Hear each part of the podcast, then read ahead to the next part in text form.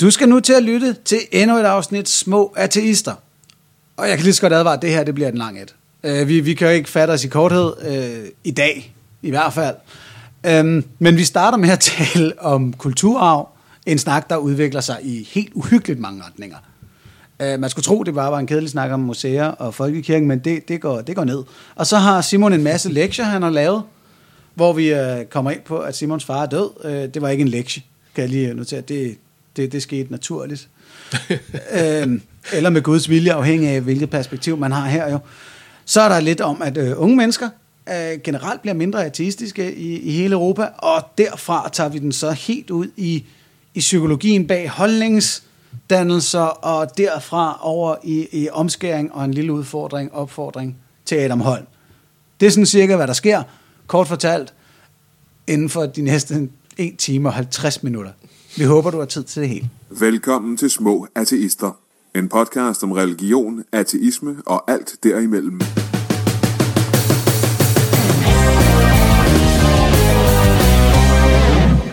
Velkommen til Små Ateister. Mit navn er Anders Stjernholm.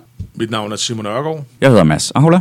Og vi er altså henholdsvis øh, comedy, ateist, missionær, XJV og eftertro formand, samt øh, hverdagsfilosof. Hverdagsfilosof. Ja, det er min officielle titel her i programmet. Og historiker. Og, og historiker, ja.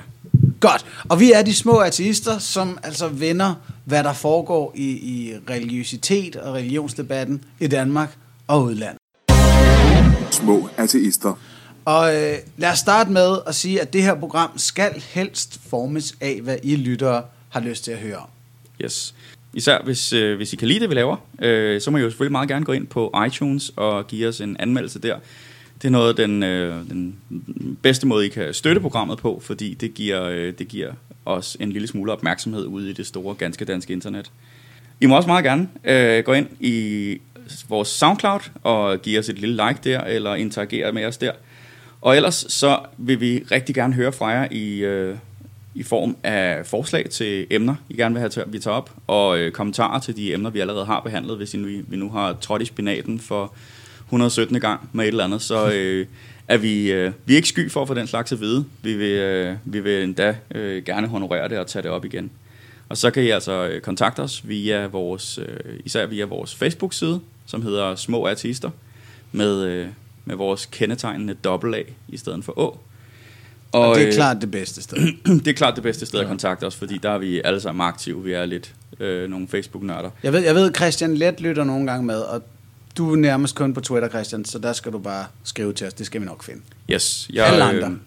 Øh, jeg sørger for, at der er øh, kontaktinfo i, øh, i beskrivelsen, så hvor du end hører det, så kan du sikkert se en lille tekst om øh, podcasten, og øh, der kan du se, hvordan du får fat i os. Yes. Der er ikke så mange, der har skrevet til os øh, i øh, den forgangne måneds tid, så derfor starter vi med at tale om dansk kulturarv. Så kan I lære det. det, det har et lille afstraffende element, det her.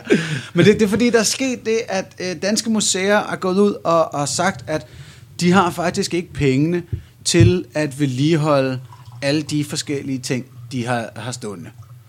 Øh, ja, det, det, det er godt med kaffeophældning lige nu, fordi det er sådan et pensionisthyggeemne, det her. Altså, det går ud på, at der er simpelthen nogle potter og nogle pander og andre ting, og malerier eller whatevs, som ligger derude og får skimmelsvamp og så videre, fordi museerne kan ikke bevare dem i gode nok omgivelser. Og det er jo altså dansk kulturarv, der går tabt. Og det her, jeg begynder at godte mig lidt over en historie, som jeg ikke havde set mig selv gå op i for fem år siden.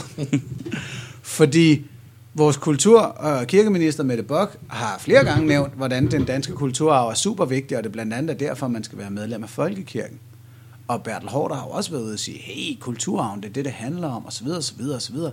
Jamen, hvorfor så ikke alt den her anden kulturarv?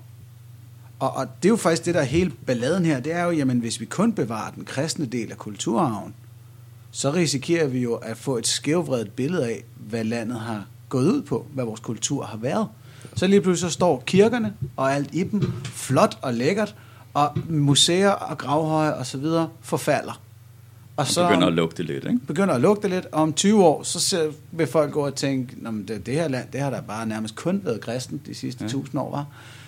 Men det er det, vi, øh, vi har jo faktisk været inde på det før. Jeg tror, det er nærmest et års tid siden, men hvor vi talte om, at, øh, at det bliver sådan en selvopfyldende profeti, ikke? hvis man siger, at det, det er et kristent land, og så øh, omdefinerer man alt, hvad der er godt til at være kristen, og alt, hvad der er kristen til at være godt. Øhm, og de ting, som ikke øh, passer ind i de billeder, dem, dem ignorerer man. Og så opdaterer man bare billedet løbende, man bliver ved med at insistere på, at det er, øh, det er kristent. Og nu er det så, altså, så resten af kulturarven, der stille og roligt får lov til at, at forfalde. Jeps, og det undrer mig rigtig meget, fordi Mette, Mette Bock har så været ude at sige, det må museerne bare selv klare. Og, og som jeg lige kan læse, så drejer det sig om måske 20 millioner, måske 50 om året ja. til at bevare det her.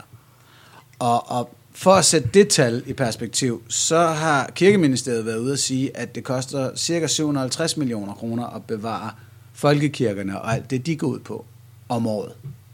Og det er altså for at bevare samtlige 2400 danske folkekirker og, og deres gods. Så må man tænke, ah, så, så er det altså ikke meget, de her museer beder om, for at vi kan holde, holde liv i, i de ikke-kristne dele af kulturarven. Her får du mere kulturarv for pengene. Jeps, og samtidig vil jeg så også lige sige, det tal Kulturministeriet er kommet med, er også whack. For, for at bruge det rigtigt. Det er fucked, fucked up whack, fordi det er nærmest dobbelt så dyrt. Nej, det er næsten tre gange så dyrt, som at bevare svenske kirker. Ja. Uh, og, og svenskerne har lavet en udregning, og den, den viser altså, så meget koster det ikke. Og så kom Kirkeministeriet med en udregning. Det var på foranledning af Mette Bock, der ville se på, om statens årlige tilskud på 750 millioner til Folkekirken nu også var det rette beløb. Og så viser det sig, det er spot on beløbet. Ja. Uh, det, det, jeg køber den. Altså, man kunne godt efterlyse noget effektivisering måske der, ikke? øh, noget lønsomhed. Ja. Øh, og jeg, jeg sidder lige og kommer i tanke om, det er måske et tidsspring, men altså den her omprioriteringsøvelse, man har kørt med de sidste mange år, hvor alle offentlige øh, sektorer ligesom skal spare 2% om året. Ikke? Ja. Vores sundhed og vores skoler og vores øh, ja, ministerier, alt muligt. Jeg ved ikke, om kirken har været ud- udsat for det samme. Det er Nej, ikke mit nej, indtryk nej. i hvert fald. Øh, De kan jo selv indkræve det. Folkekirken er ikke om, øh, omfattet af effektivitetskravet, Nej. og Folkekirken er også undtaget for at skulle give eventuelt overskud tilbage til staten. Det skal Ja. politiet og hospitaler, og alle sådan nogle. Hvis de har øh, et par millioner på kistebunden, når vi skriver 31. december, så skal de tilbage, så vi kan bruge pengene på noget andet. Folkekirken må gerne bevare sit overskud. Og de sidste par år, der har overskuddet svinget imellem øh, 150 til 450 millioner Ja. kroner. Så det vil altså sige, at vi vil faktisk kunne bevare den her kulturarv med en tiende del af folkekirkens Ja. overskud. Ikke dens budget, bare overskuddet af driften. Og så er der stadig råd til pH-lamper. Er det bare mig, eller når du nævner øh, øh, bare tanken om, om politiet skulle have en eller anden form for overskud, for mig til at tænke på Robocop og privatiseringen af politiet. Men Øh. altså, man kan måske lige også rise op, at, øh, at kirken får jo en øh, lille milliard hvert år på finansloven. Det er det, jeg mener med statens tilskud. Det, det Ja. er 700 Og det er 750? Okay, jeg troede, det var 9 millioner. Men øh, det, Det er så ud over kirke, kirkeskatten selvfølgelig, ikke? Altså, hvis, jeg, hvis jeg fik en, en milliard kroner lige pludselig, eller kun fik 750 millioner, så ville jeg ikke kunne kende forskel. Altså, det vil ikke gøre den store forskel for mig. Så det, når du kalder det en lille milliard, så synes Nå, jeg ja. ikke, du har, du har ikke gjort nogen stor forbrydelse. Nej, nej. nej. Til gengæld- men det, men det er mere det for at sige, at øh, hvad skal de med et overskud på, lad os sige, 300 millioner kroner? Altså, det, man kunne jo godt øh, bruge det som en anledning til at sige, måske øh, skal vi se på det, øh, på det, øh, på det bidrag til folkekirken. Ja, Ja, men nu, det er de nu jo prøver jeg at sætte mig ind i hovedet på dem. Mm. Fordi ja, der har ikke lyttet noget omkring, at de penge skulle tilbage eller gå til et eller andet øh, særlig støtte eller lignende. Mm. De er på kistebunden. Og jeg kan godt se det, hvis man er typen, der ser på folkekirken som en forretning. Det siger jeg ikke, der er nogen, der gør i folkekirken. Men hvis man nu gjorde, så kunne det godt være, at man sad og tænkte, hey, vi mister 1% af kunderne årligt lige nu. Øh, det kunne godt være, at vi skulle, vi skulle polstre os lidt mod dårligere tider. Syv fede år. Ja, ja. Og der kommer- øh, så kan man jo gøre lidt som magasin og, øh, og, øh, og opkøbe ejendom, fast ejendom, når man, øh, når man har gode år, og så sælge ud af det, når der er dårlige år. Det, det er en anden ting. Det tror jeg, at, at Folkekirken vil rigtig meget kæmpe for at, at få en eller anden form for ejerskab over kirkerne. Mm. Det er jo det, der er specielt her i landet. Vi aner faktisk ikke, hvem der ejer dem. Nej, det er rigtigt. Så hvis du sidder derude og er hjemløs og trænger til et besætterprojekt, så er en kirke en rigtig god idé. Fordi det politiet skal gøre, når de finder dig, det er at ringe til ejeren, og der er nok ikke rigtig nogen. Nej, men øh, må ikke de finder ud af det alligevel. Nej, det, en ting, jeg godt kunne tænke mig at bemærke ved det her, det er, at, at, at det er jo en, det er en formulering, en kulturarv, bliver sådan et, en, en underlig placeholder for, øh, for det, der definerer os og dem, ikke? Altså fordi, øh, hvis, hvis, hvis folkekirken pludselig går hen og er, er det, der skal defineres som kulturarven, det er det eneste, vi får forsvare politisk med penge, øh, mens altså, hvor, hvor 750 millioner eller, øh, øh, bare bliver givet fuldstændig uden beregning til folkekirken på, øh, på, på finansloven, mens 20 millioner, det er sådan, ah, det kan vi sgu ikke rigtig lige. Altså, så, så, så lugter det også af, at der er et, et øh, at der er et politisk formål ved det. Og der er det, jeg tænker, at, at, at en af de ting, som, som, som er så, så pokkers vigtigt for politikere for tiden, det er at blive ved med at holde fast i og definere, hvem, hvem er the good guys, og hvem er the bad guys, hvem kan vi regne med, hvem kan vi ikke regne med. Og der er det blevet sådan en, sådan en pseudo-ting, at, at man, altså, øh, man vil gerne have, man bliver glad, når, øh, når flygtninge og indvandrere og sådan noget melder sig ind i folkekirken, og man mistænkeliggør dem lige frem for at have øh, øh, alternative motiver, ikke? for at have skjulte motiver for at melde sig ind i folkekirken. Det gør de bare for at, og, øh, at signalere, at, at de vil gerne høre til her, ikke? og måske... De vil gerne overleve. Og de vil og gerne lad os overleve. være ærlige, det er jo ikke at insinuere alternative motiver. Det er hovedmotivet for, en hver, for 80% af alle mennesker igennem verdenshistorien, der har skiftet religion. Det er at Ja, overleve. for at overleve. ja, ja. Og, og, og, og, og så er det, jeg mener, hvis, hvis, når, når når alle ligesom peger i den retning, jamen, men er det så i virkeligheden ikke bare det, at det, det er blevet sådan en, øh, en stor øh, guldstatue, som, som, som man kan vælge at gå hen og kysse for at vise sit, øh, sit tilhørsforhold, øh, og man kan vælge at beskytte det for at vise sin, øh, sin politiske vilje til at være, øh, til at være øh, forsvarer af, af, af, alt, hvad der er godt her i, her i samfundet. Ikke? Men altså, det går videre end det, fordi at præsterne er, er, gør det jo med åbne øjne. Altså, de ved da godt, at de der flygtninge ikke er specielt kristne, men de kan godt bruge kunderne i butikken, og de ved også, at der er rigtig mange, der er medlem af Folkekirken. Øh, det, vi har jo talt før om, det er den største organisa- organisator af ateister, ikke? Øh, altså, de ved da godt, der er rigtig mange, der er medlem af Folkekirken, som bare bruger det som en tradition, og de tror ikke på det eller noget som helst, og det mm. ser de på med åbne øjne, og de er egentlig også revnende ligeglade, fordi Men de vil Øh, helst, bare ikke, så længe- helst ikke tale om det, vel? Altså, det, mm. så bliver det lidt ubekvemt. Det viser jo i den grad, at pragmatismen har overtaget principperne. Ja, ja. Altså, og der, der er to spor. Netop det der med, jamen, hvorfor står du og døber et barn for nogle forældre, du udmærket godt ved, vil skide på, hvad du har at sige. De er her på grund af lokalerne, Ja. og fordi bedstemor vil have det. Fuldstændig. Og samtidig, du står og, og godtager en dåb af en mand, der er flygtet herop, for at redde hans liv. Og jeg kan godt se det. Øhm, men der er et eller andet i sidste ende gavnligt ved at fastholde princippet, som, som jeg også har stået i som formand for Ateistisk Selskab, når jeg skulle validere en flygtnings ateisme. Og jeg har måttet sige nej til en. Simpelthen fordi jeg tænkte, jeg er ikke sikker på, at du er ateist. Jeg mistænker dig simpelthen for at, at prøve den her smutvej Ja. til at klare den. Og, og det gjorde pikke ondt den dag, jeg måtte sende ham den mail.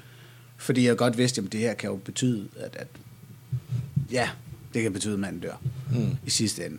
Men det er jo et spørgsmål om, det er jo ikke et spørgsmål om at redde hans liv, det er et spørgsmål om at kunne fastholde, at ateistisk selskab er en val- valid øh, øh, ekspertorgan på det her område, så de næste 5-10, der skriver, rent faktisk kan få et, et tillidsfuldt brev med til mm. deres sagsbehandling, hvis de er oprigtige.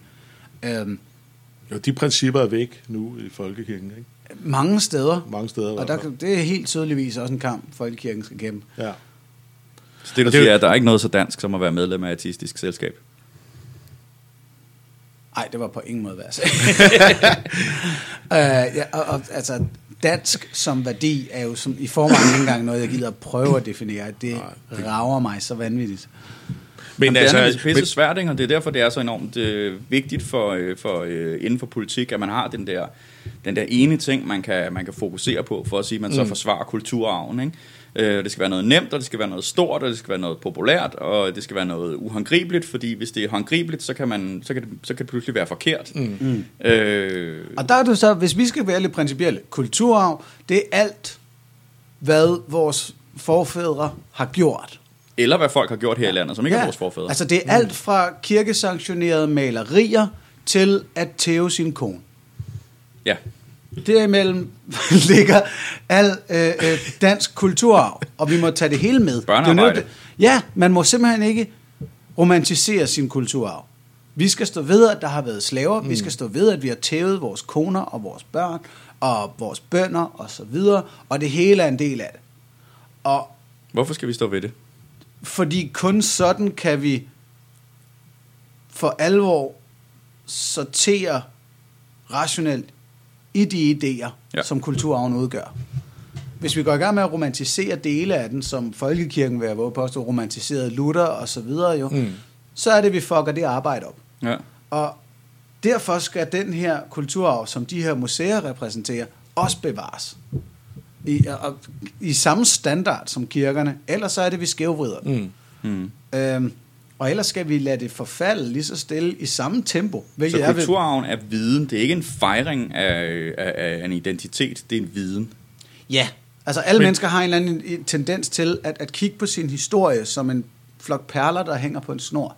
Altså så kom Luther, så kom Grundtvig, så kom øh, øh, Socialdemokratiet og, og socialismen, og så kom kulturradikalismen, og se hvordan det bare passer sammen helt perfekt til at skabe det her vidunderlige, mega svedige samfund, hvor man er sådan lidt, nej, nej, nej, det der er tilfældigheder i en i en, en lidt kaotisk proces af udvælgelse af idéer, der har ledt frem til det her. Lad være med at tro, at hvert skridt har været perfekt. Jamen det er også derfor, altså der er den der snært af noget politisk i det, når man øh, prioriterer folkekirken inden for, for kulturarven. Ikke? For vi har jo mange af den slags historier om, hvor heldemodige vi var under 2. verdenskrig, for eksempel. Øh, Jødeflugten og ja, det der, ja. og, og med hensyn til 1864, altså vi er bare sådan et lille land, der er helt fredeligt og sådan noget. Det var kun fordi, vi fik en ordentlig røvfuld dengang. Ikke? altså, så der, der er en hel masse myter om Danmark som et lille, hyggeligt land, øh, som jo også øh, altså har baggrund i nogle, øh, nogle øh, hvad skal man sige, øh, altså nogle politiske holdninger til, hvad, hvordan historien om Danmark skal fortælles. Ja. Øh, og, og det er jo så bare det her øh, endnu et eksempel på. Kan man Og det sige. bliver DR så lige pludselig også en, en del af slaget, sådan nu hvor der skal Ja, ja, trimmes. Det er det eneste, det, altså Dansk Folkepartis motivation for det er jo derhen af, ikke, hvor de andre blå partier, de har bare en idé om, at mere privatisering vil skaffe flere medier i hænderne på deres venner. Nå, Ja. det, er- men nok om min sølvpapirshat. Yes, anyways, vi ved blandt andet, hvad vi er kommet videre, hvad der er blevet bedre, øh, fordi vi også bevarer de dele af kulturarven, der er gamle og rustne og mærkelige og alt muligt, og det kan man altså ikke gøre gennem en kirke, det gør man gennem museer og, mm. og folk, der har fokus på lige præcis, lige præcis den og, og del. hvad jeg vil påstå, ved at bevare et repræsentativt udsnit. Fordi jeg har faktisk Ja. ja. ikke lyst til at sige bevare det hele. Nej, nej, det Det er tilbage til det der paradoks, som jeg synes kulturbevaring er. For hver gang du bevarer x mængde kultur, så snyder du os for x mængde fremtidig kultur. Det altså hvis du bevarer en kirke, så snyder du os for, hvad der kunne opstå der, hvor den ellers vil forfalde. Ja. Der skal vi lade sagkundskaben komme ind og Ja. sige, hvad der, og sortere i, hvad der, hvad der fagligt er, hvad, og hvad kan vi undvære. Ikke? Det ved Og vi ikke har en jo skid også- om, skulle jeg helst at sige for fagkundskaben herovre. Nej. nej, nej, nej, men lad mig prøve en, en, en lidt... Øh, jeg prøver en analogi her. Øh, du har en chef og en pudel, der skal til at knalde, men så siger ejerne, nej, nej, nej, den her chefer, den skal lave racerene chefer, og den her pudel skal lave racerene pudler. Vi bevarer de her genetiske linjer, hvor man står og tænker, "Jamen, jeg vil, jeg vil sgu gerne se, hvad der kommer ud af en, en pudel og en chefer. En pudel han og en chefer hun. Ja, ja. Alt andet Ja, vil være lidt ondt over ja. for pudlen. Men, men sådan ligesom sige, lad os, da, lad os da lige se, hvad der kan komme af, af nye hunde her. Mm. Øhm, og det er lidt det samme, når man, når man går ind med den der konservatisme og siger, hey, nu skal vi bevare den her kultur. Bare sådan, jamen, hvad, hvad kunne der komme i stedet? Og, Ja. og derfor siger jeg, en, en eller anden proportional, fornuftig, repræsentativ kulturarv skal selvfølgelig bevares, men den skal være repræsentativ. Mm. Og det bliver den ikke på den måde, Mette Bock ønsker at bevare den lige nu. Nå. Og det leder mig så frem mod et, øh, et call to action. Det kaldes new journalism, det her. Ikke? Ja. Hvor man siger, det er historien, det er perspektiverne. Hvad kan du gøre? Jamen, hvis du sidder derude lige nu og tænker, det, det har I da egentlig ret i, og jeg kærer mig om den danske kulturarv, som den fornuftige, små intellektuelle, små ateister lytter jeg er. Hvad kan jeg gøre for at sikre en mere repræsentativ bevarelse af den danske kulturarv? Jamen, konklusionen i mine øjne er jo klar, når vi har en, en politisk styring af den her måde. Det er, at du kan melde dig ud af den danske folkekirke, som så rigeligt kan bevare sine kirker øh, inden for sit statstilskud og så rigeligt inden for sit budget. Og så kan du give pengene til et museum. Så er der en lille chance for en mere repræsentativ bevarelse. Det er mange penge. kulturarv. Og tænk hvis, øh, tænk, hvis øh, museerne havde øh, de samme medlemsvilkår, som, øh, som kirken har. Mm. Eller vil mulighed jo- for at udskrive museumskat. altså, Men man kan, hey, vent, man kan jo faktisk sige, Udmeldelse.dk har sørget for cirka 20.000 udmeldinger, udover hvad der ville have meldt sig ud ellers. mm. 20.000 udmeldinger er øh, mellem 40 og 50 millioner kroner om året, der ikke længere er i folkekirken, men som er i folks egen lommer. De penge, halvdelen af dem, halvdelen af dem er rigeligt til at bevare den der øh, museumskulturarv, vi lige nu risikerer at miste. Men hvis, øh, hvis ateisterne gør det, så behøver Mette Bock jo ikke få øh, pengene op af lommen. Så kan hun bruge, øh, bare Nej. bruge dem på øh, tilskud til folkekirken. Men lad os sige, at ateisterne gør det. De udmeldte rent faktisk går ind og bevarer den der kulturarv. Så kan vi for alvor begrave argumentet om, hvem det er, der ønsker at bevare den danske kulturarv. Oh, ja, det er rigtigt. Så, så er den helt død og begravet.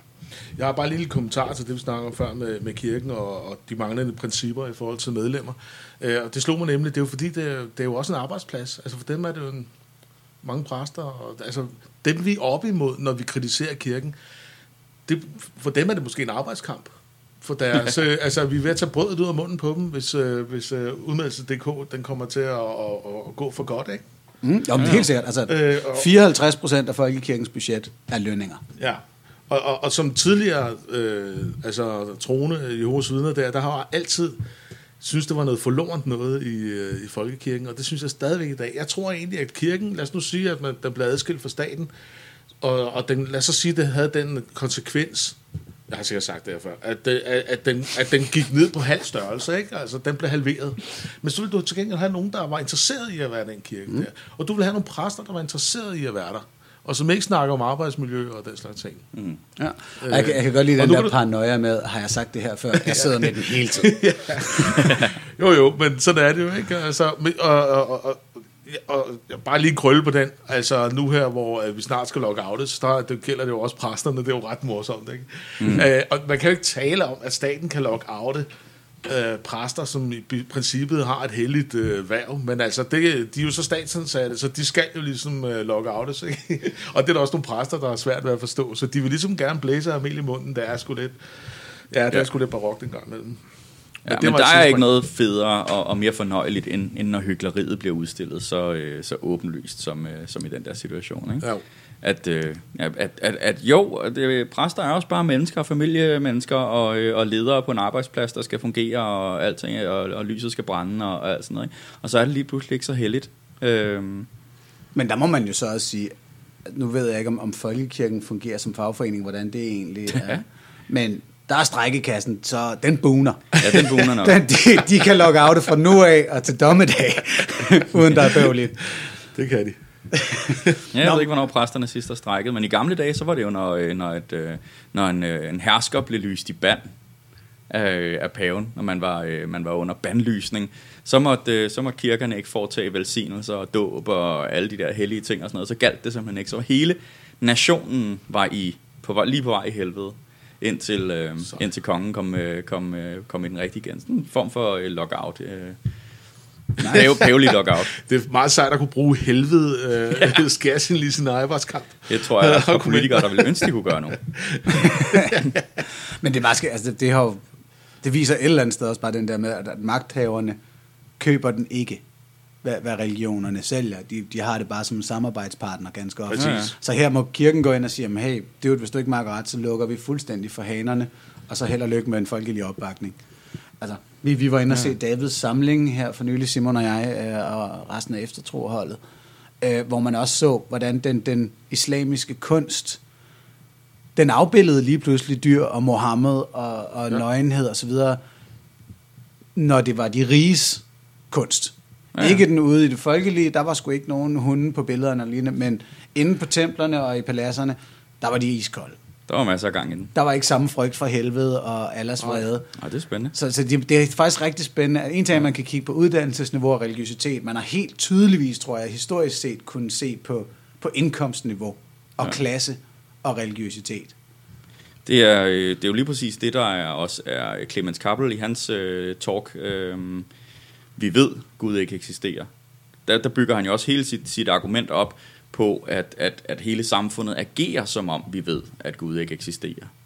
Øh, at, at der er ikke noget i, i, i samfundets opbygning, der afspejler, at, at, at, at samfundet som sådan anerkender eksistensen af en højere magt, øh, der, der, der kan gå ind og, og, og reagere på de ting, som vi gør. På det, på det punkt, der har vi fuldstændig afskaffet det.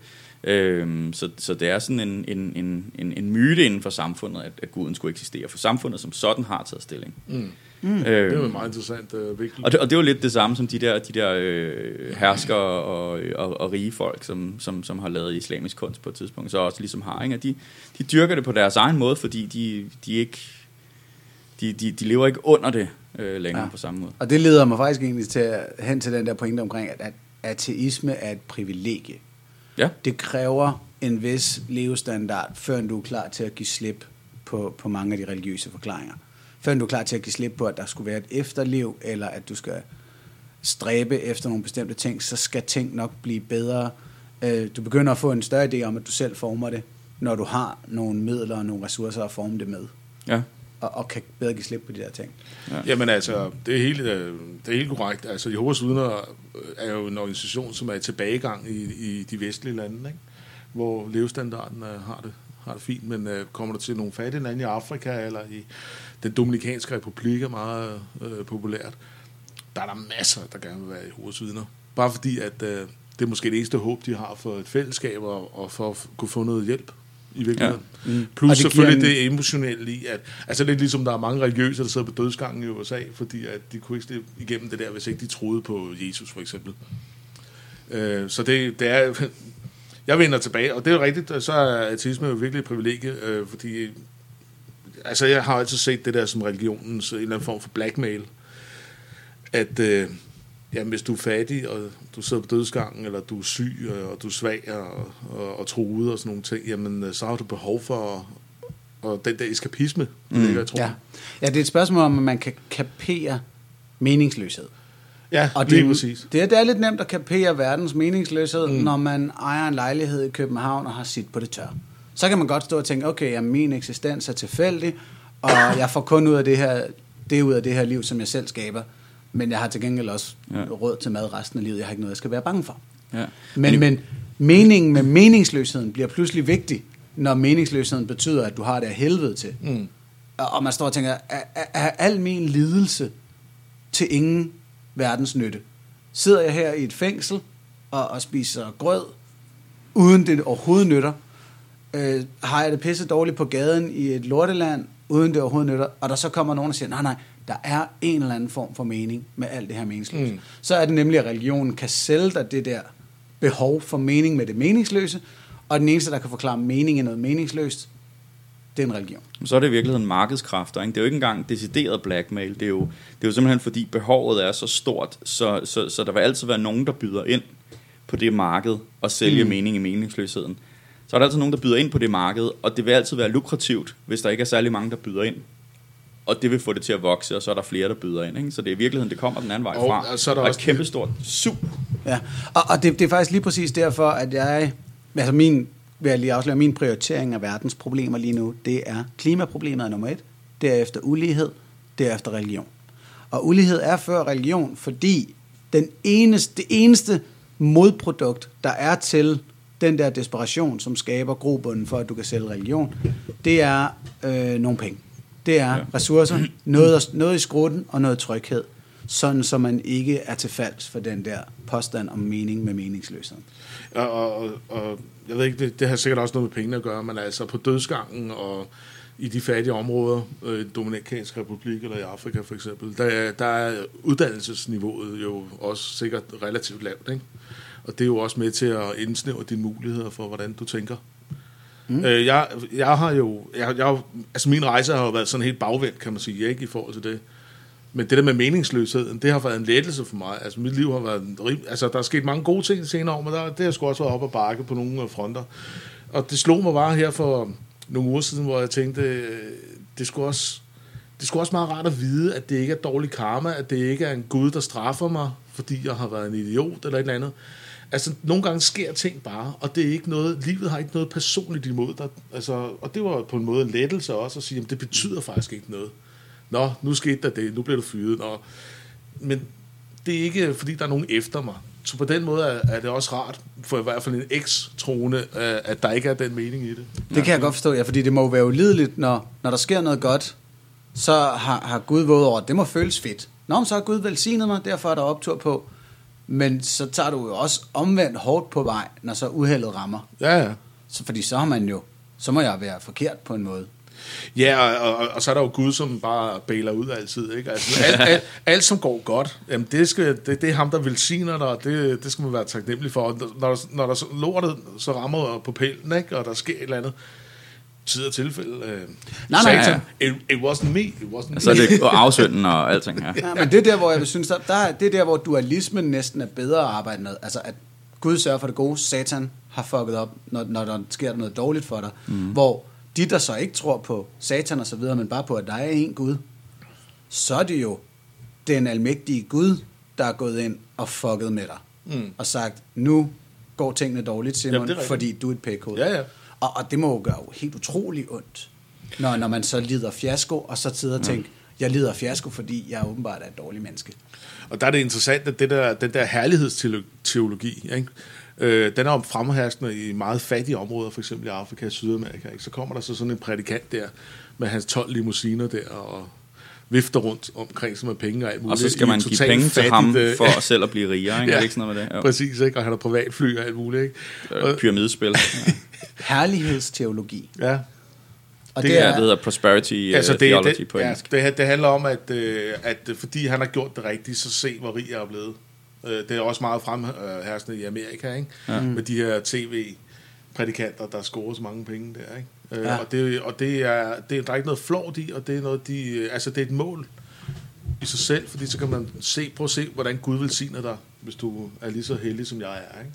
Ja. Så, så hvis du giver mig penge, så gør du noget godt, så vil du selv få penge på et eller andet tidspunkt. Ja, det er pyramidespil. Jamen, det er et pyramidespil. Øh, ja, fuldstændig? Nå. ja, bare, ej, ja, ja, det er det. Det er Ja. bedre end casino, det der. Du skal ikke udbetale gevinsten. Så jeg Jeg ved kunne ikke lige, hvordan at vi kommer en, tilbage. øh, Hvad? Nej, jeg kan godt tænke mig lige at lave en krølle tilbage til, uh, til det der med folk, der, øh, der melder sig ind. Ja, med kulturarven. Ja, der ja. Vi er jo godt nok, altså, jeg stillede, jeg, kø- jeg fremførte en lille bit historie Ja. ja. om, om museer og kulturarv, og nu har vi bare kørt på i 25 minutter. Ja. Ja. Jeg Ja. elsker den her podcast. Men, men hvis jeg skulle, øh, skulle, skulle, skulle lave en krølle på, øh, tilbage på det, øh, hvad hedder det? Så det der med, at folk melder sig ind i folkekirken for at, at, at beskytte folkekirken som sådan et symbol på, hvor de tilhører, hele deres tilhørsforhold og sådan noget. Det har en fantastisk historisk parallel.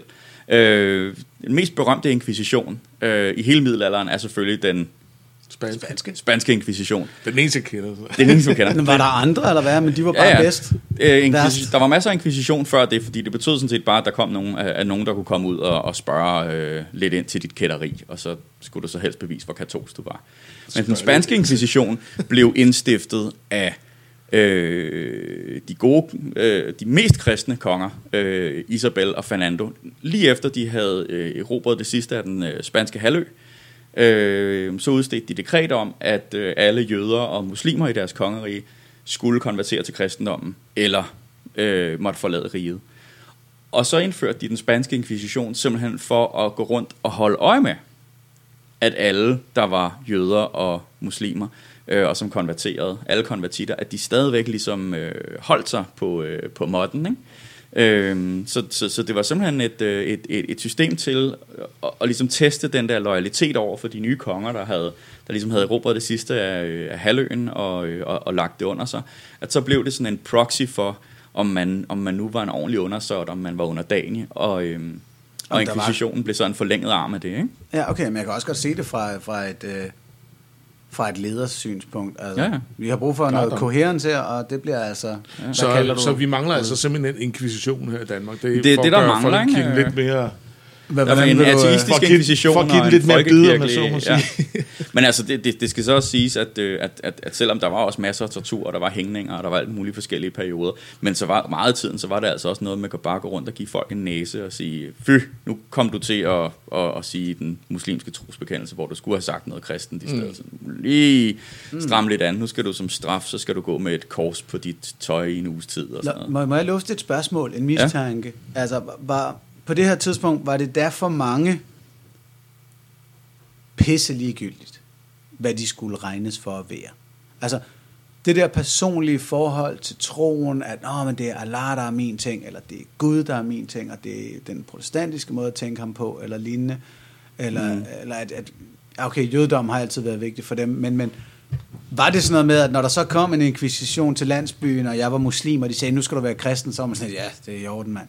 Who gives? Jeg, jeg kan ikke læse en bog, jeg skal egentlig bare hen og betale tiende et eller andet var, sted. altså, der, der, Don't give a fuck. øh, Der, der var ikke den store udvandring af, af muslimer. Der var en større udvandring af jøder. Ja. Øh, fra, øh, men, men de var jo også ligesom vant til at være en minoritet i, øh, i, øh, i en majoritetskultur der. Ja, det er Øh, hele verden. Ja. så, øhm, så der var en stor udvandring, men, men, men ja, der var også øh, der var altså, rigtig mange, der konverterede, for det var, øh, det var kæmpe store områder, øh, der var fyldt med muslimer, som så pludselig skulle til at være kristne. Så det var simpelthen også et, et logistisk problem, og, og inkvisition var en løsning på det. Det kan jeg også godt forstå, måske. Det, der, altså, altså, det er måske en del af den jødiske historie, det der med, at jamen, man har ligesom været rimelig stedig og holde fast i at sige, nej, nej, det her, det er sådan, vi gør ting, så må vi bare hoppe et andet sted hen og gøre vores ting. Og når det så lykkedes i, i 5.000 år eller 3.000 år at gøre sine ting på den her måde, så føles det også fæsent lige pludselig at opgive at Og gøre lige sine pludselig opgive det, ja. Og det er en lille teaser for, at vi selvfølgelig for Gud ved hvilken gang kommer ind på omskæring senere i dag. Øh, men nu er det ved at være tid til at skifte ja. emne, fordi nu har vi vist malket den her kulturafsnak øh, temmelig længe. Simon, du har nogle lektier tilbage fra december, da vi snakkede jul, Ja. øh, hvor øh, du havde det sådan, du var, du var rimelig hardcore omkring ritualer. Hvad fuck skal vi bruge det til? Ja. Og, og har du fået grublet lidt over det? Ja, og jeg ser mig selv som et øh, ritualløst øh, menneske. Øh, nu har der så desværre været en anledning til at tænke over det igen, fordi min far han døde i, i sidste uge. Og øh, der er jo heller ikke noget ritual eller begravelse i forbindelse med det. Der bliver holdt en lille mindehøjtidlighed i øh, en øh, menighed på Fyn, hvor jeg aldrig har været. Så det gav ikke nogen mening for mig at komme og tage derover øh, til det. Øh, sygeplejerskerne på hospitalet spurgte, om vi ville øh, være der, når han blev lagt i kisten nede på kapellet, og, og hvad for noget tøj han skulle på, og så videre. Ikke? Og sådan noget har jeg slet ikke noget øh, tilhørsforhold Nej. øh, til. Men den er sådan dobbelt, hvis jeg må spørge ind til det. Hvor meget af det er, er så din, din indre øh, Jehovas vidne øh, arv, og hvor meget af det er, din, er netop din afstandtagen til det?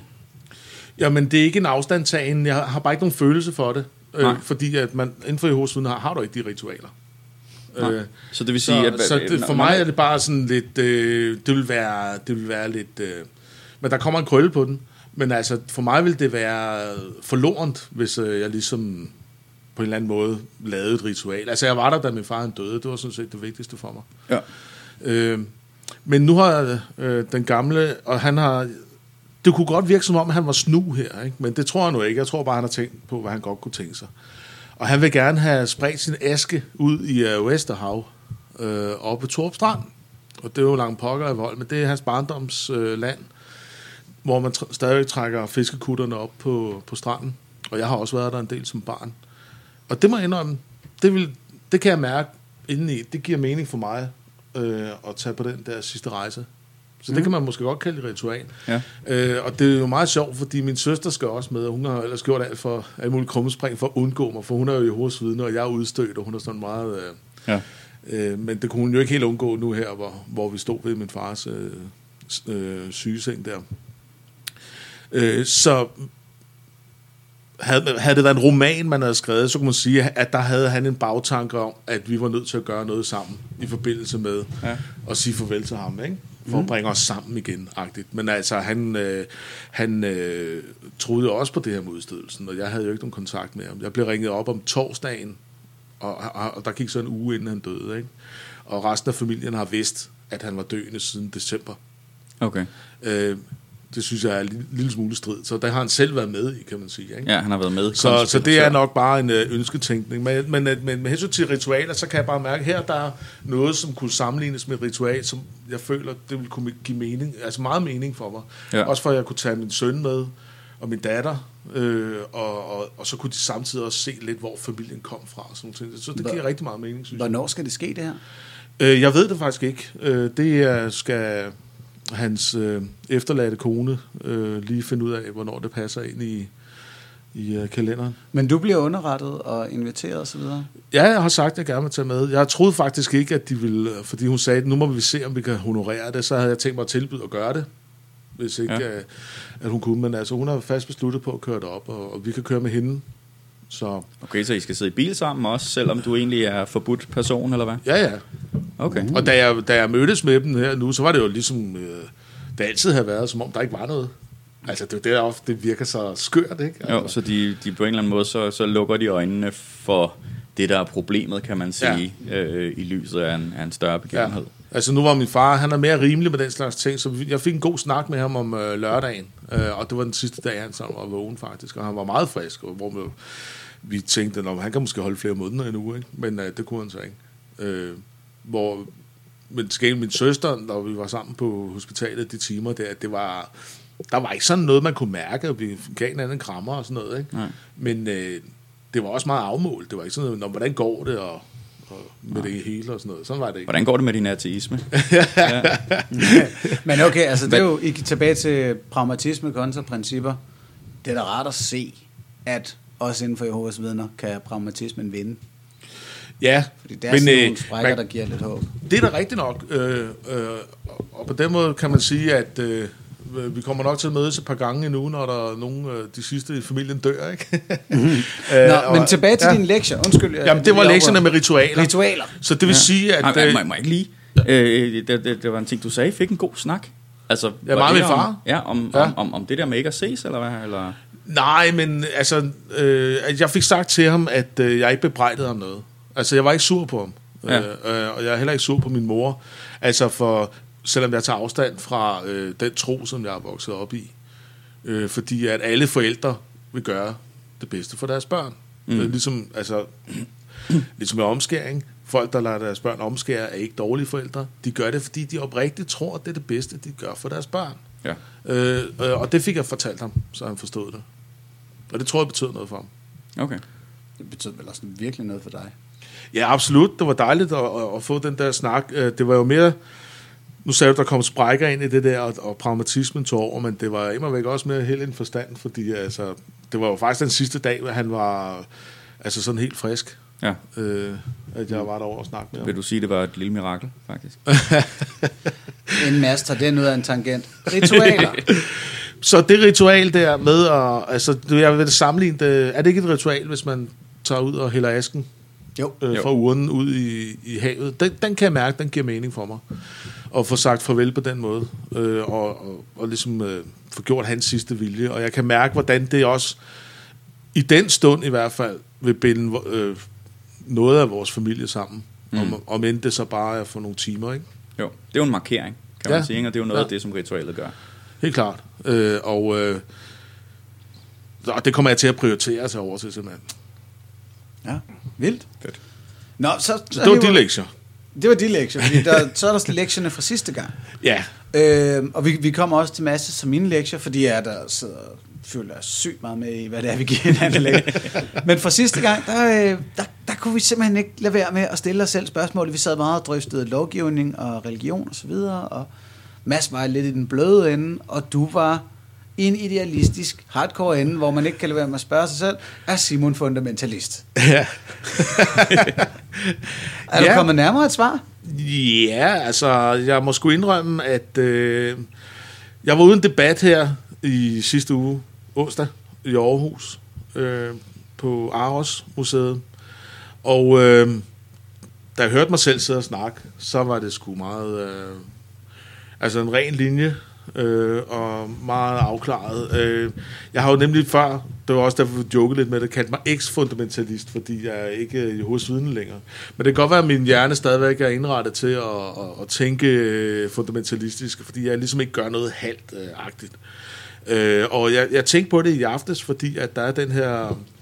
Der er et, øh, et, et studie, en, som har en undersøgelse inden for Københavns Universitet om, om religiøsitet og sekularisme og den slags ting. Et meget, meget langt spørgeskema. Og jeg kunne bare se øh, på de der sider der, afhængig af, altså man kan jo gå for at være meget uenig til at være meget enig. Og så var der sådan lidt nogle punkter ind imellem. Jeg tror, det var en fempunktsskala. Og så kom der en, en række spørgsmål, og der lå jeg helt over i den ene side. Ikke? Så kom Jo. den næste side med nogle andre spørgsmål inden for en genre, og der lå jeg helt over i den anden side. Det var meget få gange, at jeg måtte graduere lidt på det. fordi jeg sagde, det, det kan ikke gradbøjes, det her. Men, og det er jo det, der er, det er ubehageligt. Så jeg fordi- er nok øh, for, fundamentalist. Ja, men tag det roligt, fordi nu, nu kan jeg jo se i forskellige artistforer, vi sidder der og skriver sammen omkring, ah, men det her spørgsmål er også lidt klodser, og der går man altså amok og sådan. Og, og så er det jo sådan lidt, jamen, et af spørgsmålene er, hvor sikker er du på din ateistiske øh, standpunkt? Altså, jamen, det er da helt sikker på. Øh, øh, Jeg, jeg er helt sikker på, at jeg ikke tror på Gud. Altså, ja, ja, ja ikke? Altså, men, men det betyder ikke, at jeg siger, at jeg ved, at Gud ikke findes, eller er gnostisk ateist, eller lignende. Det er bare, jeg har tænkt det igennem. Øh, og og ja. Ja. ja, når det kommer til, til økologi eller et eller andet, så er jeg også stensikker på min position, som er, at jeg er 60-40 på, at 100% økologi er en god idé. Men jeg er 60-40. Jeg er bare stensikker på, at jeg er lige der. Øh, så der, der, er, der er en tynd linje mellem at have regnet den ud, og være fundamentalist. Ja. fordi du, Det- du er det- muligvis stensikker, fordi du har regnet den ud, Simon. Det er, det, det er meget præcist. Altså, jeg prøvede også at joke lidt sidst med, at jeg er fundamentalist øh, med option på at skifte holdning. øh, altså, jeg, jeg er blevet bevidst om det nu. Ikke? Det var jeg ikke, da jeg var Jehovas vidne. Nej. Der var det slet ikke noget, der kunne stå til diskussion. Og, og som Jehovas vidner, jamen, der var det jo en form for indoktrinering eller hjernevask. Øh, jeg er jo ikke bare hoppet ud fra Jehovas vidner, og så sprunget direkte over i ateisternes lejr. Det tog flere år, øh, og jeg ville egentlig ikke derhen.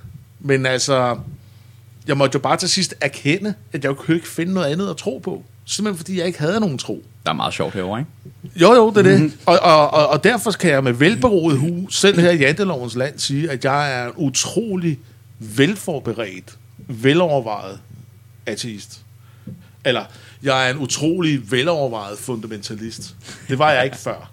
Så Ja. ja. det, det er forskellen, ligesom du peger på, Ja, faktisk. ikke? jamen man kan jo sådan set sige, altså der findes vel en form for fundamentalisme, som vi alle sammen kan acceptere. Og det er de fundamentalister, der har ret. Og det er lavet af... Nå, men altså, det er jo sådan, det er næsten en kirken for flyvende spaghetti monster tanke, jeg har her. Altså, de er jo for alt, hvad der er godt, og imod alt, hvad der ikke er godt.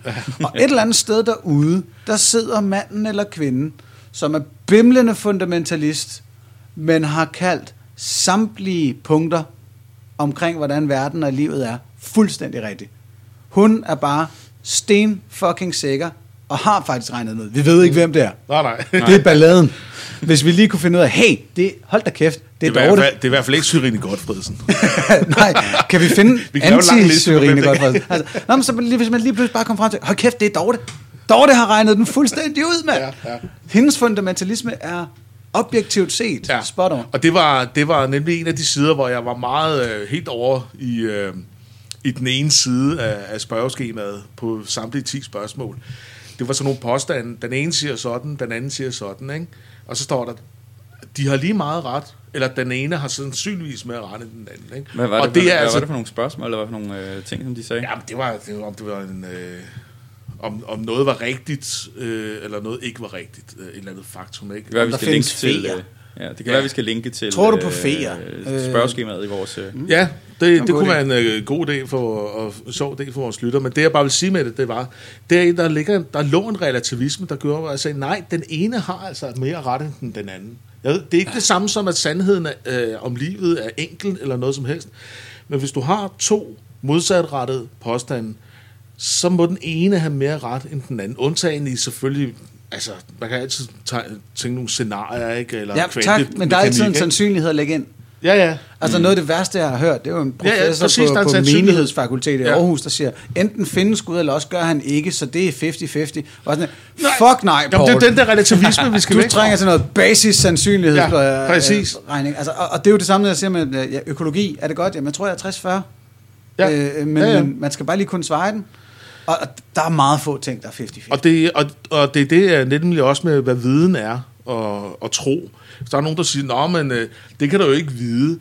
Og, og det vil sige, at din viden er jo ikke rigtig viden, det er jo tro. Og haha, her, jeg står også med en tro, og så er det jo faktisk lige så godt. Nej, det er overhovedet ikke lige så godt. Det er slet ikke, det kommer slet ikke i nærheden af at være lige så godt.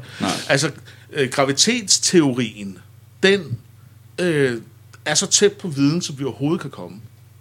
Øh, og, og, og det er øh, teorien om, øh, om øh, enhjøring altså ikke. den der er så langt fra viden, som vi overhovedet kan komme. Mm. Selvom man filosofisk kan argumentere for, at, at, at der ikke er noget, der hedder, find, der findes ja. reel viden, men så kommer den der relativisme ind, ikke? Og, det den, øh, og den kunne jeg bare ikke have, så den fik bare ned øh, på hele venstre side der. På det Jeg der tror også, øh, igen, at filosoferne ville vende sig i deres grav, hvis, du, hvis, hvis, øh, hvis man kalder det filosofisk. Jeg håber, de har noget mere fornuftigt. At- ja, Men, ja, men, men okay, så balladen er egentlig, altså det du reagerer på, og det som i hvert fald er det modsatte af dig, det er øh, relativist. Ja. Men fundamentalist er ikke det modsatte af en relativist. Der må være noget andet, et andet begreb, der gør dikotomien mere korrekt. Ja, det, det, det tror jeg, du har ret i. Ikke?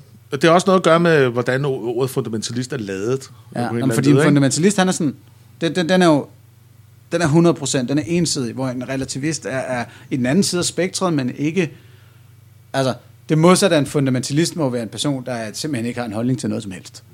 Og så Ja. derfra, så bliver du, så kan du være hyperrelativist og mindre og mindre relativist. Må må hvad, hvad er det lidt, modsatte øh, begreb, Mads? må være lidt akademisk nørdet omkring det. Ja, Øh, fordi øh, det, vi har en prototype fundamentalist i det her samfund. Og, altså, så hvis vi skal adlyde sproget, så, så, så er der sådan nogle prototyper, der er meget med til at definere, hvad tingene betyder. Og prototype fundamentalisten lige for tiden, det er... Øh, det er sådan noget Westboro Baptist Church, folk der står op, God hates facts og alt sådan noget. Ikke? Yes. Og så er det selvmordsbomberen, der, øh, der, der, Ja. ja. der slår sig selv ihjel og andre ihjel for, øh, for en eller anden tro. Ikke? Så, så vi er ude i, at fundamentalist først og fremmest betyder noget religiøst. Og så er der så den tekniske definition, hvor man kan sige, den, en, en, en hvilken som helst, der holder sig til fundamentet, hvad end fundamentet er. Altså, så man kan være fundamentalistisk Foucault-tilhænger, man kan være fundamentalistisk postmodernist, øh, hvis, hvis vi går ud fra øh, sådan en eller anden øh, mere dekonstrueret definition. Ikke? Øh, men, men, Åh, oh, der vil jeg jo være tabt. ja, men det, det, det, det jeg mener, at, at, øhm, at, at det er lidt det, du gør, Anders, at, at, at du går hen og siger, at man kan være fundamentalist med alting. Ikke? Øh, altså, jeg, jeg er fundamentalistisk moderat i alle mine holdninger. Ikke? Jamen, her mener jeg, altså, der må være et blødere begreb end fundamentalist, som er det modsatte af relativist. Ja, det er interessant. Altså, der var noget, som er... Det kan være, det er en lytteropgave, den her. Hvad er det modsatte af en relativist, sådan så Simon kan få et nyt begreb Altså, tilknyttet det- til sin tankegang? Hvorfor, hvorfor ikke fundamentalist? Nu, Kan man Det er, fordi det er, for defini- det er for definitivt. nu nævnte du, øh, at vi, øh, vi ser det som noget religiøst fundamentalist, ikke? Jo, jo. Med de der arketyper, du nævnte. Det, det, det vil jeg påstå, at den association, der jeg, ligger jeg vil gerne brede det lidt ud til at sige, at det kan også være politisk øh, fundamentalisme, ikke? altså socialisme, men det bliver for mig også en form for religiøse tankegange. Altså, jeg vil kalde det dogmatiske tankegange. Ja. Øh, og, og en stor forskel på mig nu, tror jeg nok, i forhold til, da var Jehovas vidne, at jeg har ikke nogen dogmer. Jeg har ikke noget dogme længere, føler jeg. Mm. Øh, hvis der er noget, der ikke kan stå, så må det falde. Det er jo faktisk det. Og der, hvor jeg ikke kan få svar, der må jeg bare vente på, at der kommer et svar. Jeg begynder ikke at finde på det. Ja. Jeps. Og det er der, hvor, hvis jeg prøver at gå tilbage til Dorte, super fundamentalist. Ja, ja, ja. Hun er fundamentalist. Hun er dogmefri fundamentalist. Ja. Det er, det er en tilstand, man burde stræbe efter. Ja. Det er at forstå alt, være stensikker på alt, uden at have et eneste dogme, der har ledt en frem til det. Hvis, Dorte, hvis man spørger til Dortes indstilling til at slå mennesker ihjel, så har hun et klart svar, og det er fuldstændig dokumenteret. Der er ingen endeligt dogme, hvor hun står og siger, Den, "Jamen, det den må man jo bare hypotetiske ikke." Dorte. Den hypotetiske Dorte. Ja, jeg Dorte- Dorte, lige at sige, Dorte Dorte findes desværre ikke, ellers ville jeg så meget abonnere på hendes podcast. Ja. Øhm, Så hun, hun, kunne, hun kunne være gæst i Småtis. Altså. ja, men så, så konklusionen er, at du er fundamentalist med forbehold. Ja. Og vi mangler et, et andet begreb, synes jeg, for en hvad det er. udogmatisk fundamentalist. Det er rigtigt nok, øh, det, det, kan godt være, det kan være, at vi skal opfinde et nyt ord. Som Ja, men den vil udogmatiske sikkert funda- med fundamentalist har regnet alt ud, så, så der, skal, der, der, der mangler et andet begreb. Men, men, men øh, nu prøver jeg lige en segway hen i den næste Yes. historie. Øh, fordi, Men det er mine lektier. Jeg har, jeg er fri. ja, jamen, jeg har også givet den ud til lytterne, Det er godt. så der, du, du kan måske få hjælp. øhm, der er en ny undersøgelse, der viser, at øh, ateisme og ikke tro vinder i den grad frem i Europa. Og jeg synes faktisk, der er et rigtig spændende perspektiv i det her, som peger måske lidt hen af, af hele den her snak. Øh, en undersøgelse har tjekket alle 16-29-årige i øh, nærmest alle europæiske lande, og det viser sig, at religiøsitet i den grad er på vej tilbage, og at irreligiøsitet eller er religiøsitet øh, kører bare. Og det er selvfølgelig rigtig gode nyheder, hvis man tænker som os. Og, og så er spørgsmålet så, hvorfor er det, at det er sådan? Og jeg våger den påstand, at den overordnede konklusion er, fordi religion ikke er sandt. Det er simpelthen fordi unge mennesker kan godt regne ud, jamen hey, vi aner ikke, hvad Jesus sagde og gjorde. Alle, nogle af alle de her videnskabelige påstande fra religionerne holder ikke. Deres påstand omkring etik og moral og forståelse af eksistensen holder ikke. Og det er jo klart, hvis produktet i sidste ende ikke holder, jamen så, så kører forretningen dårligt. Det, der er skide spændende i den her undersøgelse, det er, øh, at de mest religiøse lande i Europa stadigvæk, det er øh, Polen øh, og Litauen. Ja. Og, og de mindst religiøse lande er Tjekkiet og Estland. Lige ved siden af. Lige ved sådan alle fire gamle Østbloklande, mm. som har været domineret af kommunisme, der er gået ind og forbudt religion osv. Men, men det er jo ganske tydeligt, at, at det, det måske, synes jeg, kan, kan afstedkomme det der med, at jamen, så har der været ko- kommunisme, og så siden 89, der har I nærmest skulle skabe kulturen igen, at det skaber en, en, en sociologisk plasticitet, eller et eller andet, nu går der lidt uh, masse afholder i mig, men, men at, at så, så er folk klar til ligesom at bekende sig, og, og hele den der relativisme faktisk, den, mm. den dør lidt, fordi så er der en masse mellemlande, men det er næsten alle sammen øh, øh, gamle vesteuropæiske lande. At det er ret specielt, at, mm. at nogen anden kan gå på den der vej. Jeg ved ikke, Mads, om du har en historisk forklaring på, på no, hvorfor lige Tjekkiet og Estland er ateistiske, og Litauen og Polen er... Jeg kan jo ikke, jeg kan jo ikke dybe mig for at nævne, at, øh, at, at, at Polen-Litauen gik jo hen og blev en stormagt, fordi det øh, i middelalderen, i 1300-tallet, der gik det hedenske øh, Litauen øh, overgik til kristendommen, for at den litauiske konge kunne få den polske trone. Polen var i den kristne sfære, og Litauen var lige uden for den kristne sfære. Øhm, og så indgik de så den her alliance øh, om, om, omkring det. Men altså, Og det hvornår sagde du, det var? Det var i middelalderen, så det er 1300-tallet. Det vil jeg skide på. Der er stadigvæk... Altså, gå lige med tesen. Ja, ja, okay, vi løber med, vi løber med, med, med præmissen. Så er det selvfølgelig derfor, fordi at det, det stadigvæk er så stor en del af den identitetsdannelse, der sker af de her to nationer på det tidspunkt, at... Øh, mm. Altså tror jeg, at, øh, at i Polen, der fik kirken jo en, en kæmpe rolle i forhold til modstanden mod kommunismen. Ja. Ja, Øh, altså så- katolikker, ka- den katolske kirke har stået meget stærkt øh, i det 20. århundrede i Polen. Ja, ja, og så Øh, og fik der de var jo en polsk pave, som var der i 30 virkelig år, ikke? populær. Øh, den, den store antikommunist pave, ikke? Ja, som, ja. Øh, som, som så kommer fra, øh, fra Polen, og det var jo et slag i ansigtet på, på Sovjetunionen dengang, at man valgte lige præcis øh, ham øh, fra Polen til at være, øh, Og det- til at være den nye. Jean-Paul. Ja, John, Johannes, John, Johannes Paul. Et eller andet. Og ja, Jean de Paul, det er, det er lidt andet. John Paul, ja. men, Øh, men, men uh, gælder, gælder samme historie i Litauen? Ved du noget om det? Om den katolske kirke i Litauen også var en antikommunist øh, fyrtårn for folk? Det ved jeg faktisk ikke noget om, nej. Det har jeg ikke. Men, fordi, undskyld, men nu begynder det jo at lugte som lidt af en del af forklaringen. Fordi, Ja. hvad, hvad er historien i Tjekkiet og Estland? Jamen, det, det, det er jo så spøjst, at Tjekkiet og Estland, som jo også var hårdt ramt øh, under kommunismen, altså fordi deres, øh, altså der, blev, der flyttede jo virkelig mange russere til de her lande, ikke? Så, så, så folk har også følt sig presset på deres nationalidentitet under kommunismen, og, øh, og, og derfor befriet, der, når, de, øh, når de gik af med det. Men altså, det kan så... Jeg ved det ikke. Måske har de ikke, øh, måske er det ene fra den katolske sfære, og det andet er den protestantiske sfære, der ikke havde noget overorgan, der kunne støtte dem. Ja, altså vi er i hvert fald ude i, der er jo noget, der tyder på, at, at mennesker, der så har støttet den katolske tanke, de har taget til Polen-Litauen-området, og så dem, der har været i periferien af den koncentration, de har så været i for eksempel Estland og for eksempel Tjekkiet. Og så har man i, i 70-80 år haft en, en fjende, der har taget opmærksomheden, kommunismen, Mm. som har gået ind med, med sin dogmatik og har domineret. Og så har man selvfølgelig som minoritetssamfund samlet sig om henholdsvis katolicismen og øh, ateismen. Altså, man kan jo sige, for, for, for rene kommunismer, så er de, kommunister, så er de jo siddet og tænkt, hey, vi skal ikke være dogmatiske omkring vores ledere og så videre. Mm. Øh, ellers har de været kritiske over for kommunismen også, men, men også samlet sig om deres, deres øh, sekularisme og ikke-tro. Og nu, hvor landene så bliver givet fri, så får de gamle kulturelle øh, øh, identiteter, de fælles tredjer, som du også har kaldt det, Mads, Ja.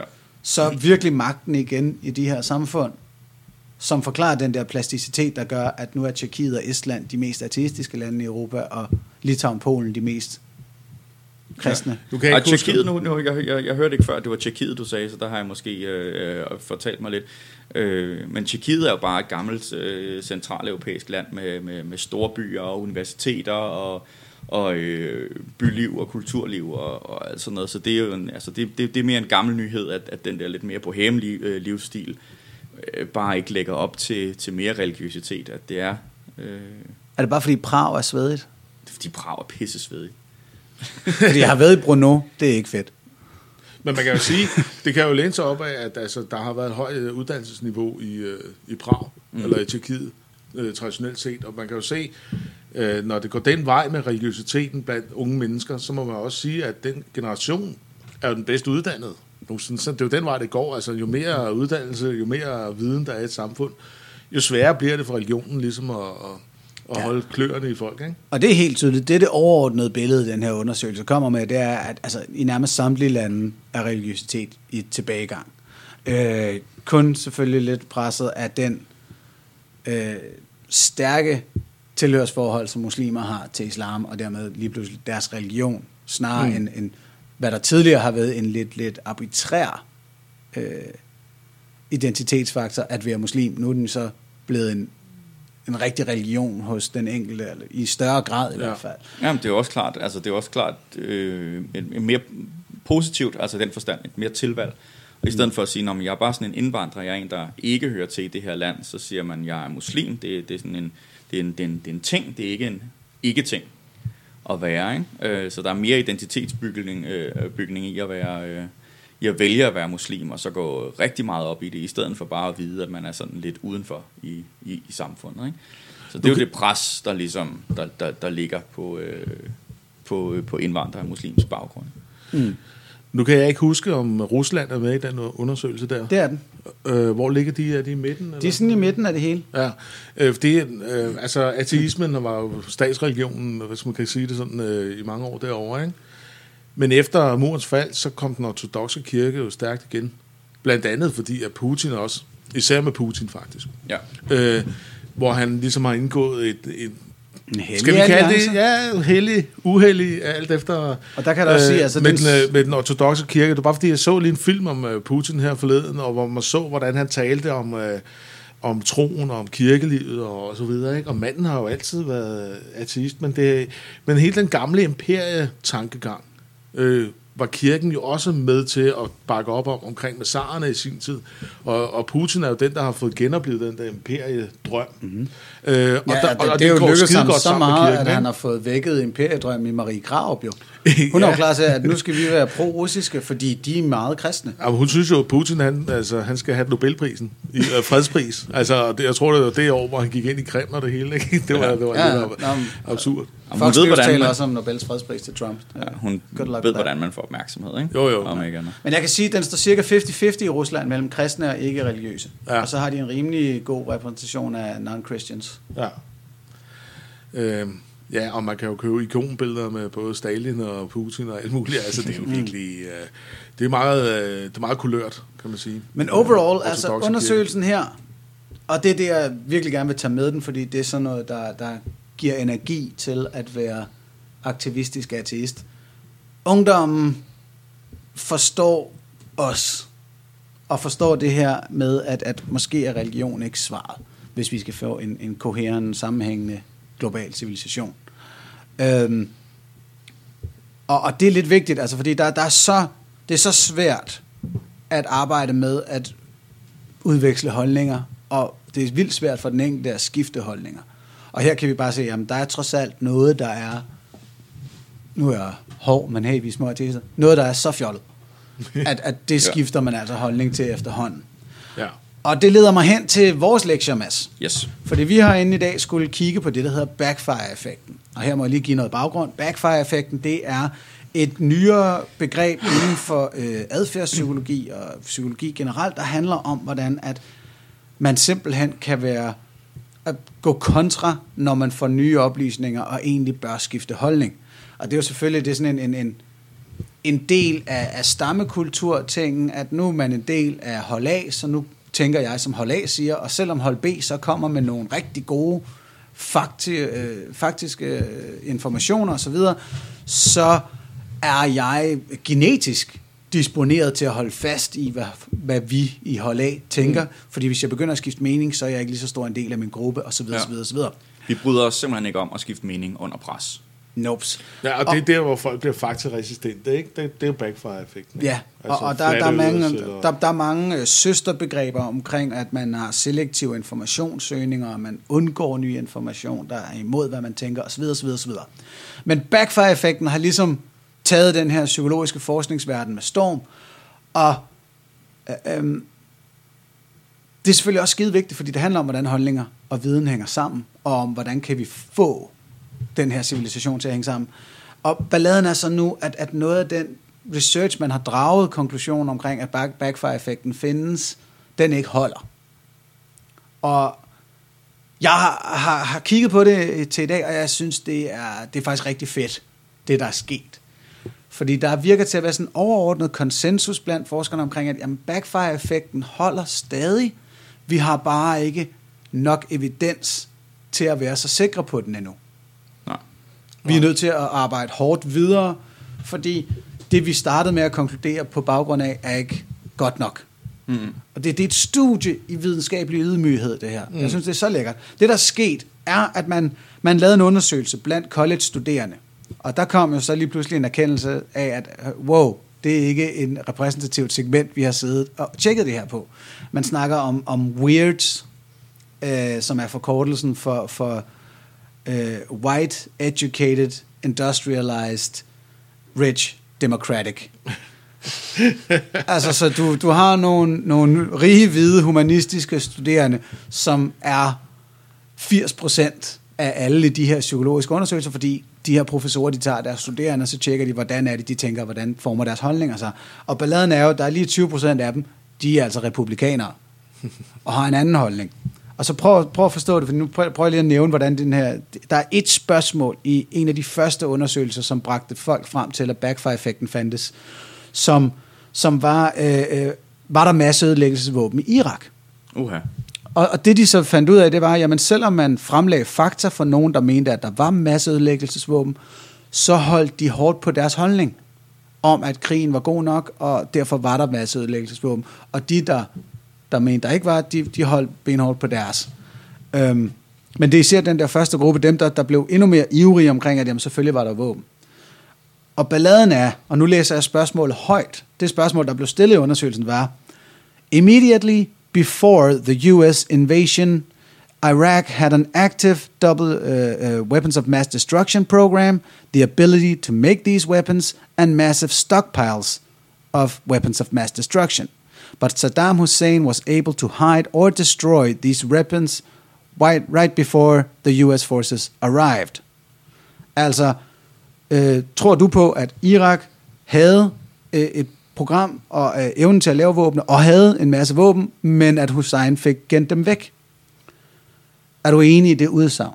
Og folk, der var imod krigen, de siger bare, at selvfølgelig havde de ikke det. Øhm, og, og folk, der synes, at krigen var en god idé, de får jo et eller andet sted serveret den rigtige historie til at retfærdiggøre deres holdning, mm. når, Ja. når, når spørgsmålet bliver sådan legnet op. Mm.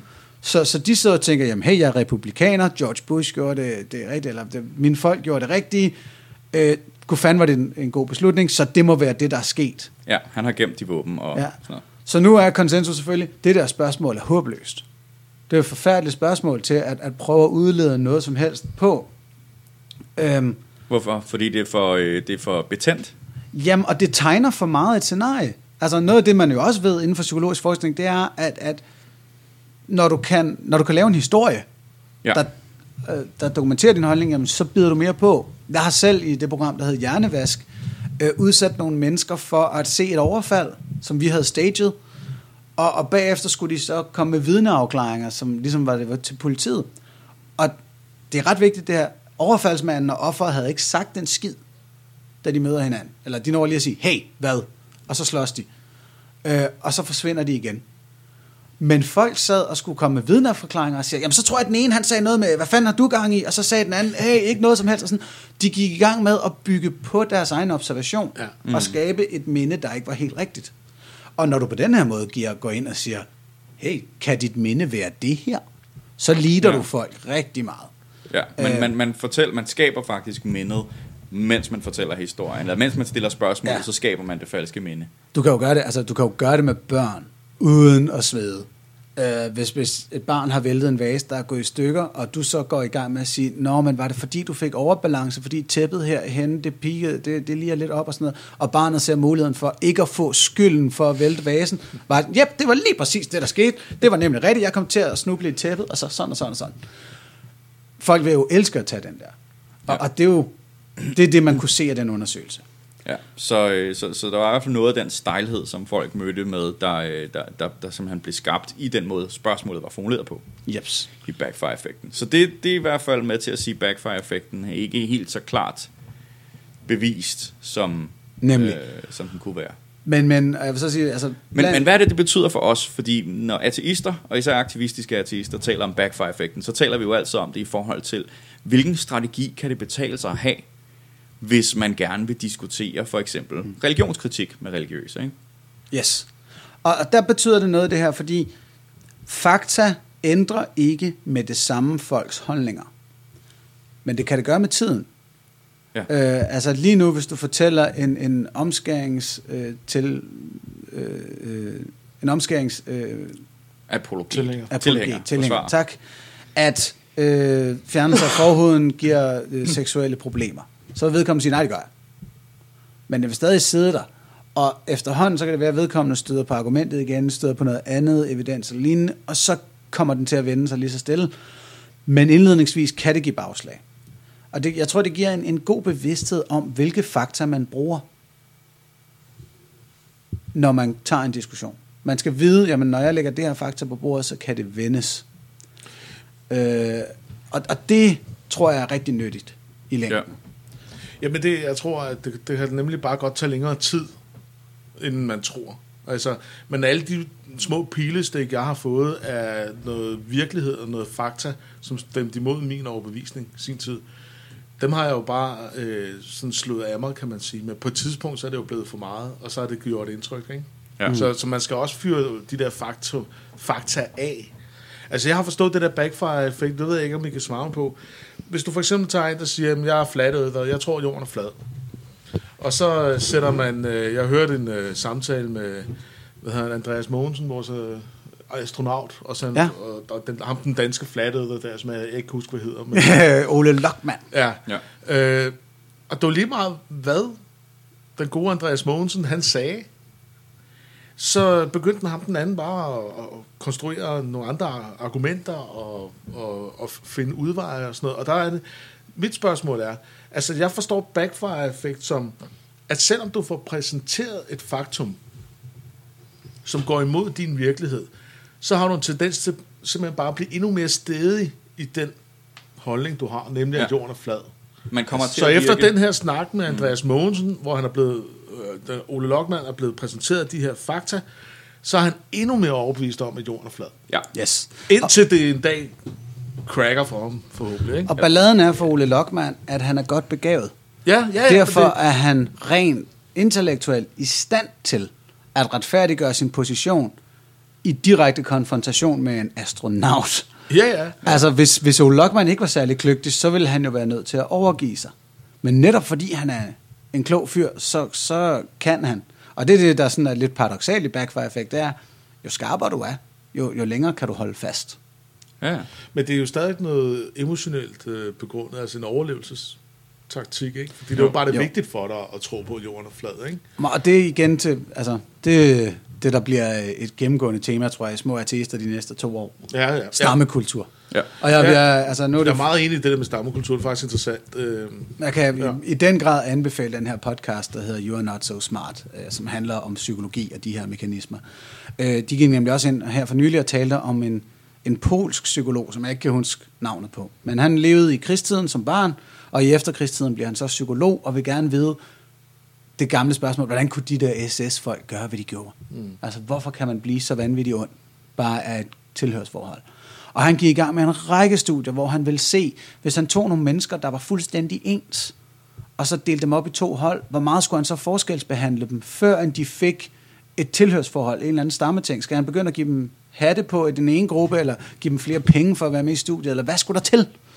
Og Og efter et par årtier med sådan nogle her forsøg, kommer han frem til, at han kraftede med knap nok kunne nå at kalde dem hold A eller hold B, Ja, så før end de bare sådan et, hold A! altså, det, vi, vi hopper lige på. Det gør vi. Og vi er genetisk disponeret til det, fordi det har jo altid været en fordel de sidste 300.000 år, vi har eksisteret, at have en gruppe, der bakkede det op. Jamen, det, altså, du ved, hvis du øh, boede i en gård, øh, da du var barn, ikke, så var nabogården, ikke? De børn, der var der, de var nogle idioter. sindssyge, dem i den anden gård. Øh, eller, eller ens parallelklasse, ikke?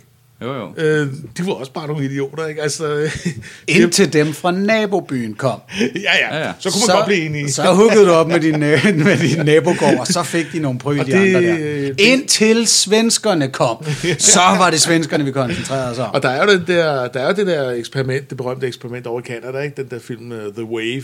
Uh, Jeps. Med ham med skolelæreren, der simpelthen bare deler klassen op i uh, blå og brune øjne, ikke? Ah, det er to forskellige eksperimenter, du... Øh... Nå, så det, der, det der sig. med blå og brune øjne, det var, en, det var en kvindelig pædagog, der lavede det i, øh, lidt tidligere. The Wave startede en, en, en bevægelse, hvor de sådan ligesom blev enige om, at vi alle sammen med i The Wave, og så bliver det sådan en kunstig skabt religion. Okay, ja. det, Og så blander det sammen. Men det var i hvert fald evident, at øh, dem, der så var de onde, eller dem, der kunne undertrykke de andre, øh, den ene uge, de gjorde det, ikke? og så byttede de roller. ja. Og, og, og selv dem, der havde været undertrykt, ikke? de, øh, jamen, de gjorde, de var mindst lige så onde som de andre. Ja. Altså det Hutuerne og Tutsierne, der er ikke nogen forskel på dem. Ja. Det er noget at gøre med, hvor høje de er, eller deres ører, eller et eller andet.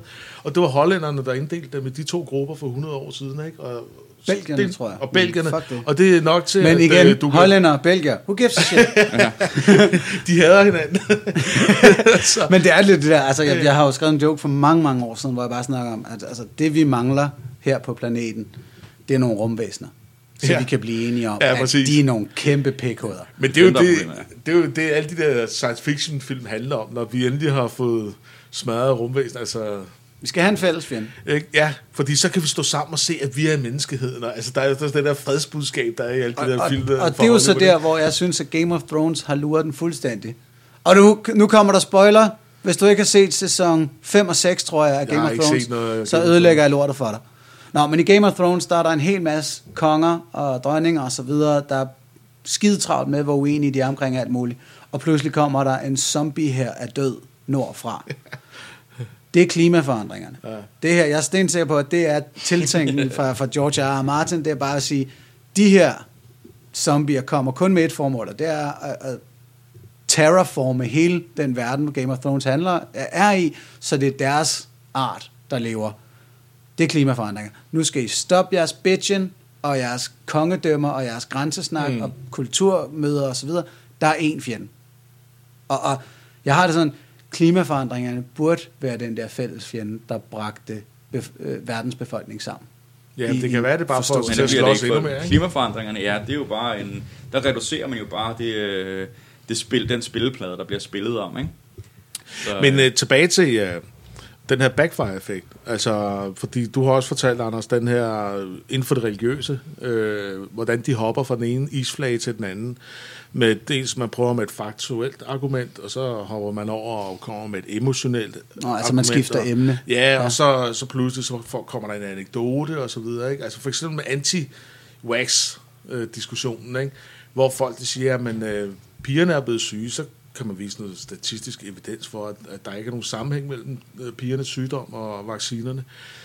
Så er det noget med, at der er også nogen, der har fået autisme af det, så kan man vise dem, at det studie faktisk er forkert og trukket tilbage, og at autisme ikke har noget med det at gøre. Nå, nej, men så er det jo også noget med lige pludselig at den store stykke medicinalindustri, som jo ikke gør det for vores blå øjnes skyld, ikke? og de er jo nok bare interesseret i at tjene penge. Altså, så skifter man over til en form for konspirationsteori. Og næste bliver, at det er unaturligt. Ja, ja, Så er det pludselig vigtigt, at noget naturligt. Ja, øh, og det, det er vel også den der... Øh, altså man ønsker, altså backfire effect, man- man ønsker simpelthen at nå hen til øh, en bestemt forklaring af forskellige emotionelle grunde, eller noget. Mm. Man, man vil gerne have, at det her skal være rigtigt. Og så backfiren i det, det er, at hvis du præsenterer ja, de her fakta, så, så bekræfter de, at du dem bare i deres ønske om at beholde deres forklaring. Jo, altså så vil jeg så lige sige, at når det kommer til det der emneskift, så vil jeg sige, at backfire-effekten netop rammer dårligt uddannede eller dårligt begavede mennesker mindre. Fordi så har du den der, jeg har engang talt med en Jehovas vidnedame, der bare skiftede med det samme. Altså sådan helt naivt, hvis jeg gik ind og sagde, nej, nej, vi, vi ved ikke med sikkerhed, hvad Jesus sagde og gjorde.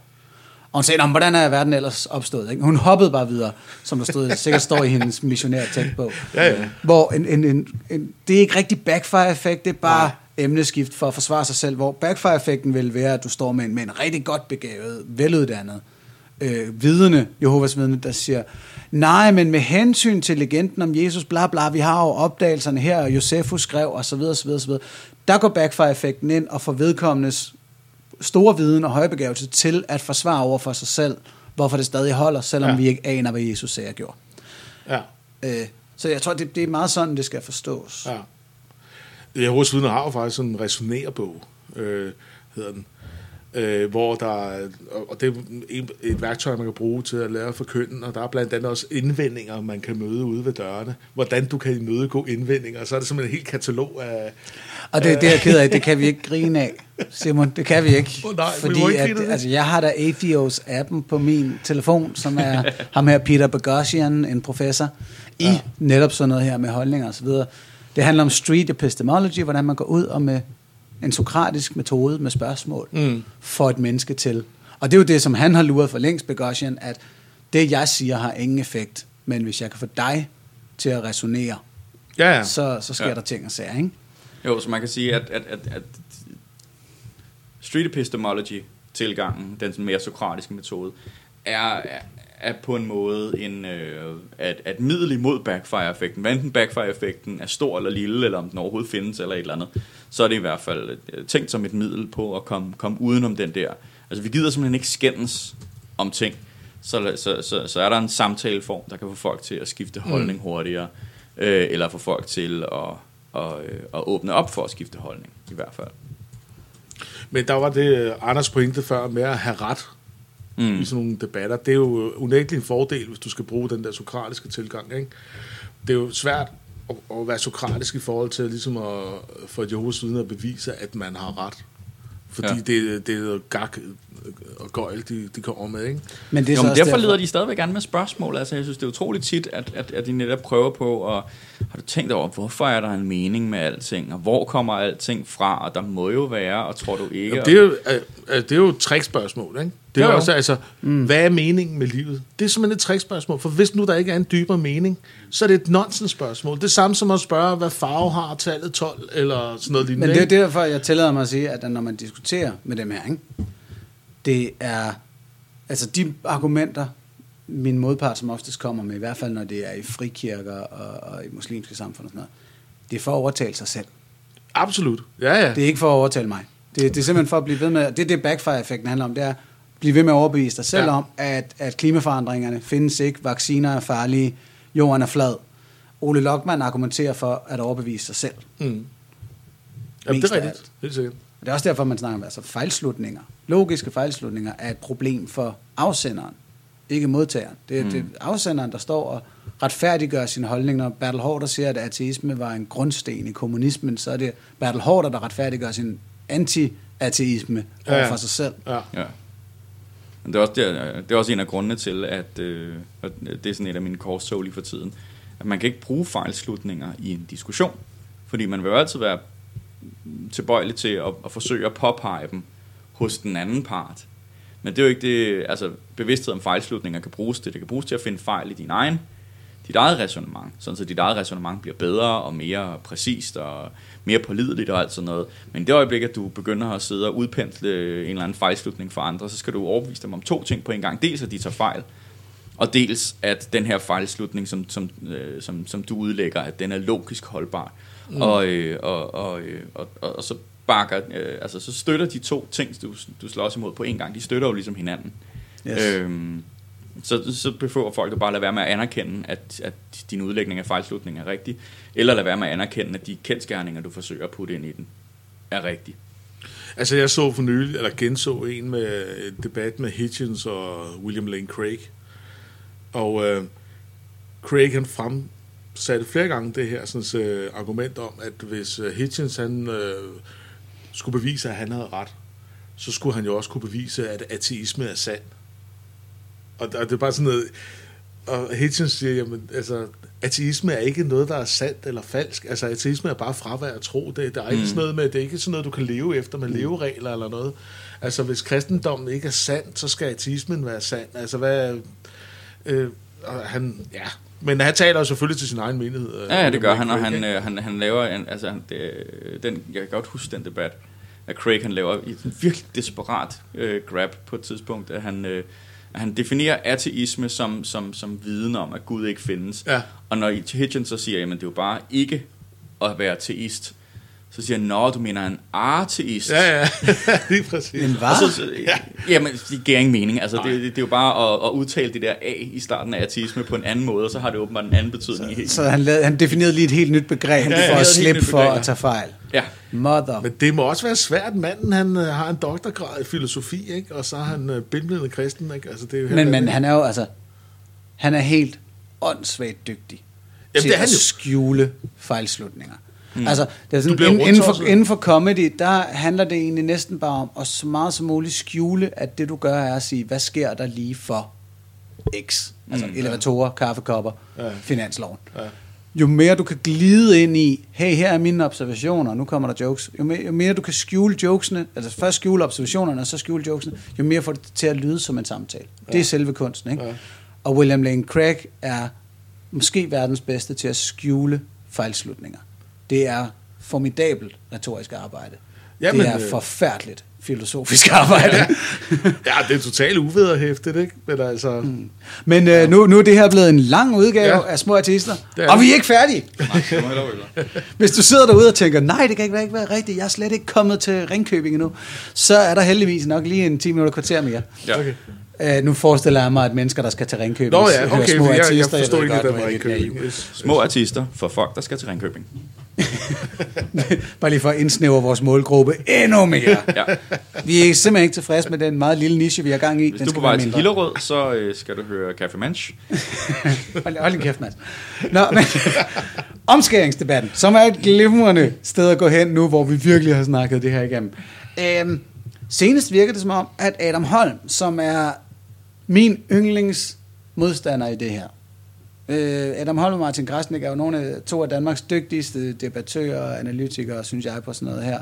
Og de er begge to imod et omskæringsforbud. De er jo begge to øh, af jødisk afstamning. De siger, de, de er ateister, men finder stor værdi i det jødiske fællesskab og forsvarer stadig omskæringsritualet.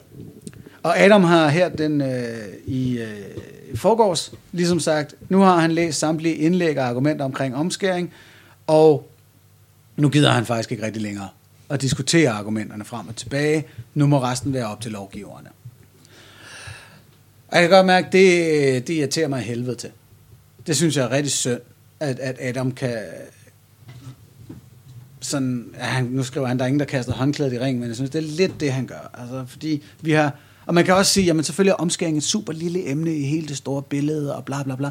Men det er den debat nærmest i hele verden, som er mest spændende ud fra et meningsudvekslingssynspunkt. Fordi der står to lejre, der med samme argumentation har hver deres holdning.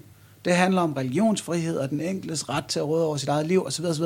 Det er lidt de samme synspunkter, begge lejre bruger på at sige, så derfor skal vi klippe de her børn i pikken. Og den anden lejr siger, nej, nej, nej, det handler om menneskerettigheder og retten til egen liv osv. Så derfor skal I ikke klippe de her børn i pikken. Mm. Øhm, og det er derfor, at, at det netop er sådan en debat, hvor den virkelig nøgterne, grundige, filosofiske disciplin kunne komme til sin ret. Ja. Og så, øh, og, og, og så er øh, brøndene desværre bare fuldstændig forgiftet, fordi at øh, øhm, øh, jeg har nogle bekendte i øh, forskellige lande øh, fra humanistiske kredse, og, øh, og, og der var en, der postede et, øh, et link til øh, øh, sådan argumenter for at lade være med at omskære sine børn, og at, øh, og at flere og flere jøder holder op med at omskære sine børn på, på, på sådan verdensplan. Ja, hun, var fra, øh, hun er fra England, øh, hende der postede det her. Og så var jeg så inde og skrive, øh, så skrev jeg bare sådan en kort kommentar, øh, at nu var der også rigtig vind i sejlene her i Danmark, hvor vi faktisk øh, havde sådan et, øh, et omskæringsspørgsmål, øh, spørgsmål var, øh, var på dagsordenen i, i, i de lovgivende forsamlinger. Sådan noget, den skrev jeg. Og der skrev hun tilbage, at det havde hun lidt svært ved at fejre, fordi at hvor det måske var godt at få snakket om det, så var det jo af de forkerte grunde i Danmark, fordi at det jo handler, i Danmark ved man, at det handler om islamofobi og om øh, antisemitisme. Mm. Øhm, og, og, og det er jo den myte omkring den, den danske omskæringsdebat, som, som er blevet promoveret især i udlandet i, i så lang tid. Øh, og og, og det, er jo, det er jo trick inden for retorik, det hedder, øh, altså, eller inden for, øh, for, for debat i det hele taget, ikke? det hedder poisoning the wells. At hvis man på forhånd kan få forbundet modstanderens argumenter og motiver med en eller anden form for, øh, øh, eller modstanderens argumenter og synspunkter med en eller anden form for øh, skidt motiv, Mm. øh, så hver gang, at, at, at man kommer med sit argument, så det tilhøren, den forgiftede tilhører, hører, er bare mere øh, af det samme motiv. Så det vil sige, hver gang at jeg er inde, og øh, øh, hvis jeg siger et eller andet imod øh, at, at omskære børn, så det folk i virkeligheden hører, det er, åh, han kan ikke lide jøder, ham der. Han kan mm. virkelig ikke lide jøder, ham der. Øhm, Og- så, så, så, så, så, øh, så, så debatten er allerede på forhånd, øh, hvad kan man sige, skævvredet øh, Ja. gennem den der myte. Ikke? Jeg vil sige, at jeg, på, jeg fra, fra modsat hold måske har gjort mig skyldig i det samme. Det kan I lige være dommer over.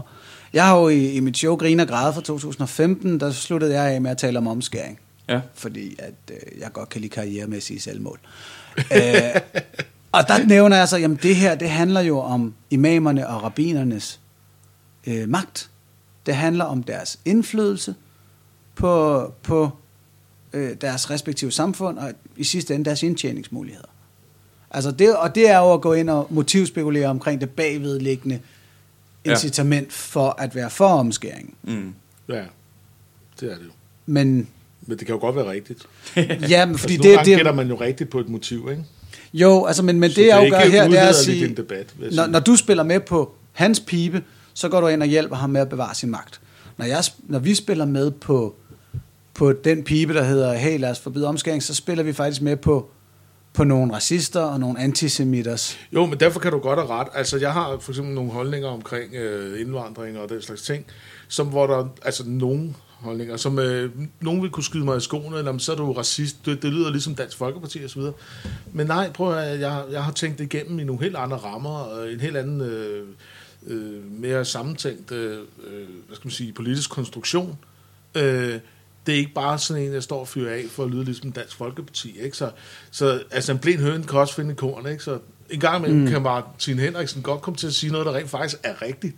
Ja, ja, altså, Men man, jeg man kan kan ikke lide stille, udgangspunkt, vel? Altså, man kan stille alle de mennesker, der tænker sådan der, Ja, som har øh, er imod et forbud eller for et forbud, det samme spørgsmål, nemlig, hvad vil du gøre, hvis Anders Breivik blandede sig i debatten Mm. og var på din side? ja, Hov, Anders Breivik er også for et forbud. Hvad gør vi nu? Ja. ja men Vil, vil, du, vil du gå Anders Breiviks ærne, hva'? Ja, det er det. Altså, og det, det er jo det, der er skide ligegyldigt. Hvis Anders Breivik sorterer sit skrald, så har Anders Breivik fat i noget.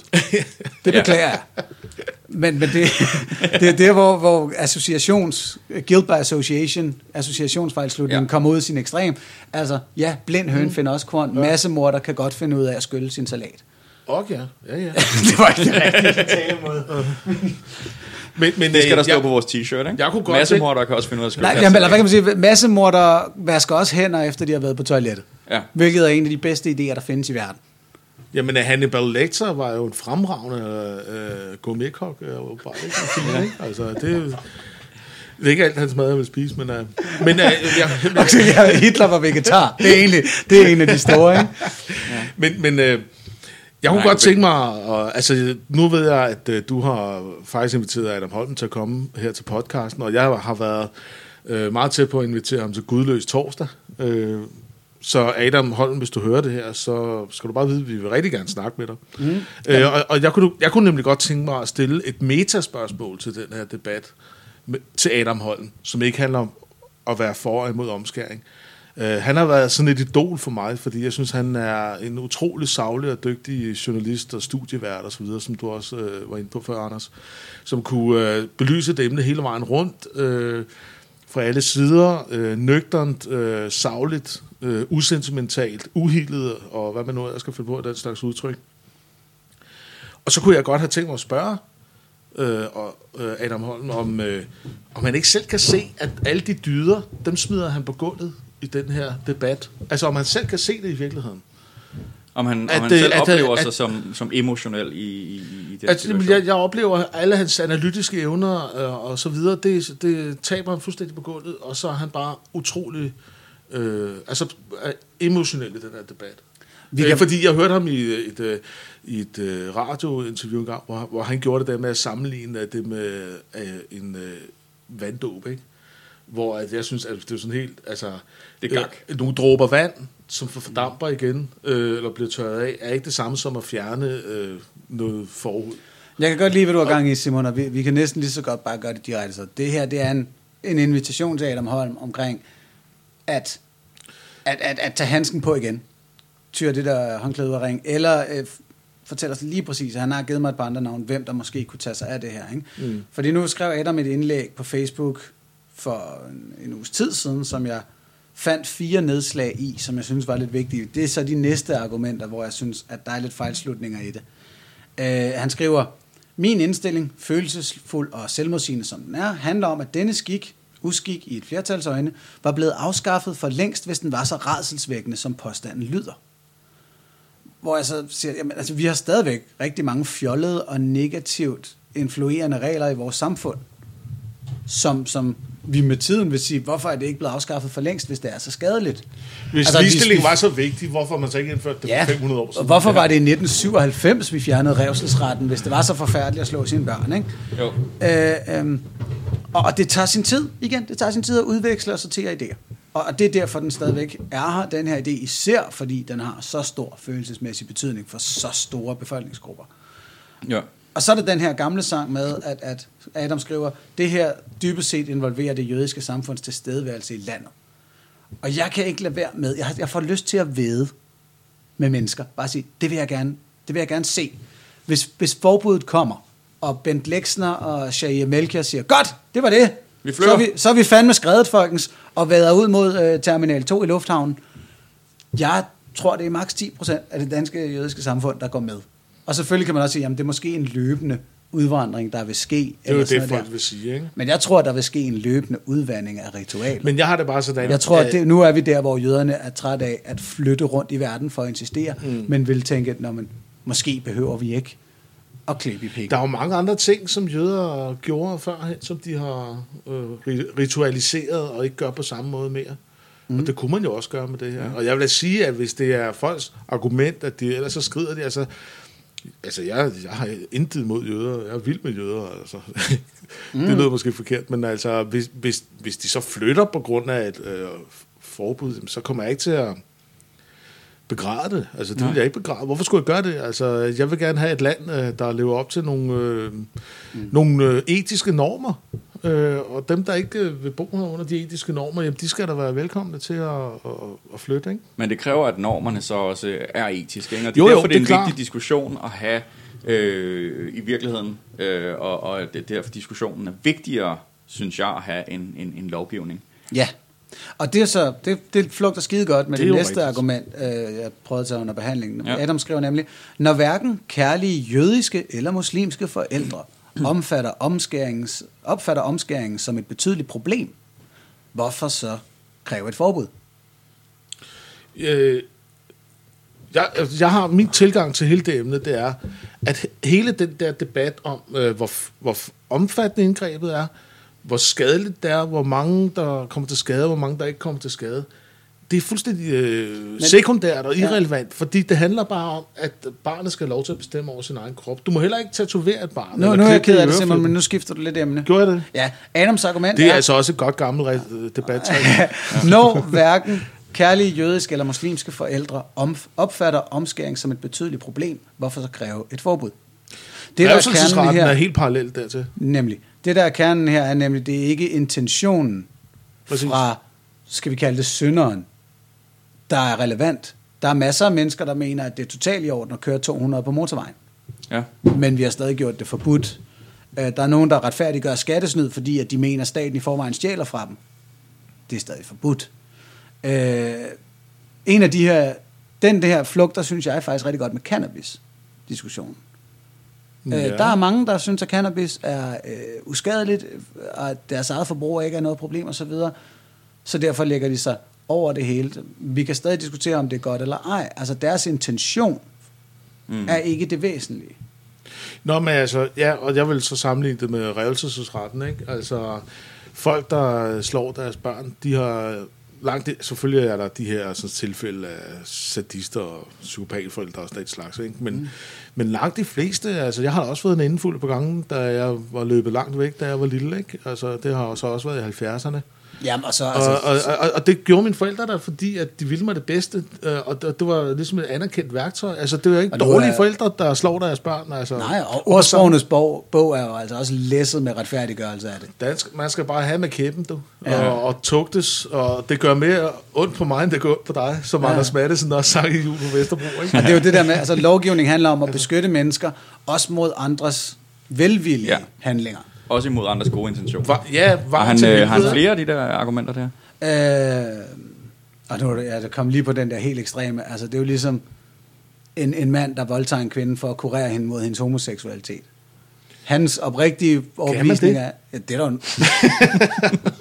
ah, okay. Ej, lad os bare lige lukke bogen. Det, det, det, det er der ikke noget, der tyder på. Jeg skal jo ikke gøre mig... Jeg kan jo ikke bevise, det ikke virker. Nej. Oh. Men der er ikke noget, der tyder på, at det virker. Okay, okay. okay. Yes. Du siger, jeg kan ikke bevise, at det ikke virker, og det skal du heller ikke. og det er ikke, fordi jeg har en betydelig empiri personligt at bygge på overhovedet. De fleste piger, jeg knaller med, bliver faktisk lesbiske. Sorry, det, det, det kunne jeg ikke Nå, ej, øh, ja, okay, det sidste, vi kan tage øh, under behandling her. Øh, Adam skriver, den på alle måder betydelige forskel imellem de to handlinger, og her refererer han til kvindelig og mandlig omskæring, er, at den ene er en religiøs befaling, som jeg personligt finder tåbelig, mens den anden, altså bortskæring af klitoris, er udtryk for en patriarkalsk dominans i visse arabiske og afrikanske stammer. Og det er et argument, der, der vinder stor indpasning. At man ligesom siger, at hey, kvindeomskæring startede, eller det gør mandeomskæring som sådan mm. også, som en en stammeskik i Vestafrika. Røvl, Østafrika. Men hvorfra skikken oprinder, er ikke afgørende for, hvordan den anses i dag. Nej. Øh, hvorfor man danser rundt om et juletræ for 200 år siden, er ikke grund til, at man gør det i dag. Øh, og jeg synes, en af de, de stærkeste argumenter for det, imod det der, det er, at in, i Indonesien i dag, som er verdens mest folkerige muslimske land, der er sådan cirka 200 millioner muslimer, der anses omskæring for begge køn for at være den rette muslimske levevis. Muslimske levevis.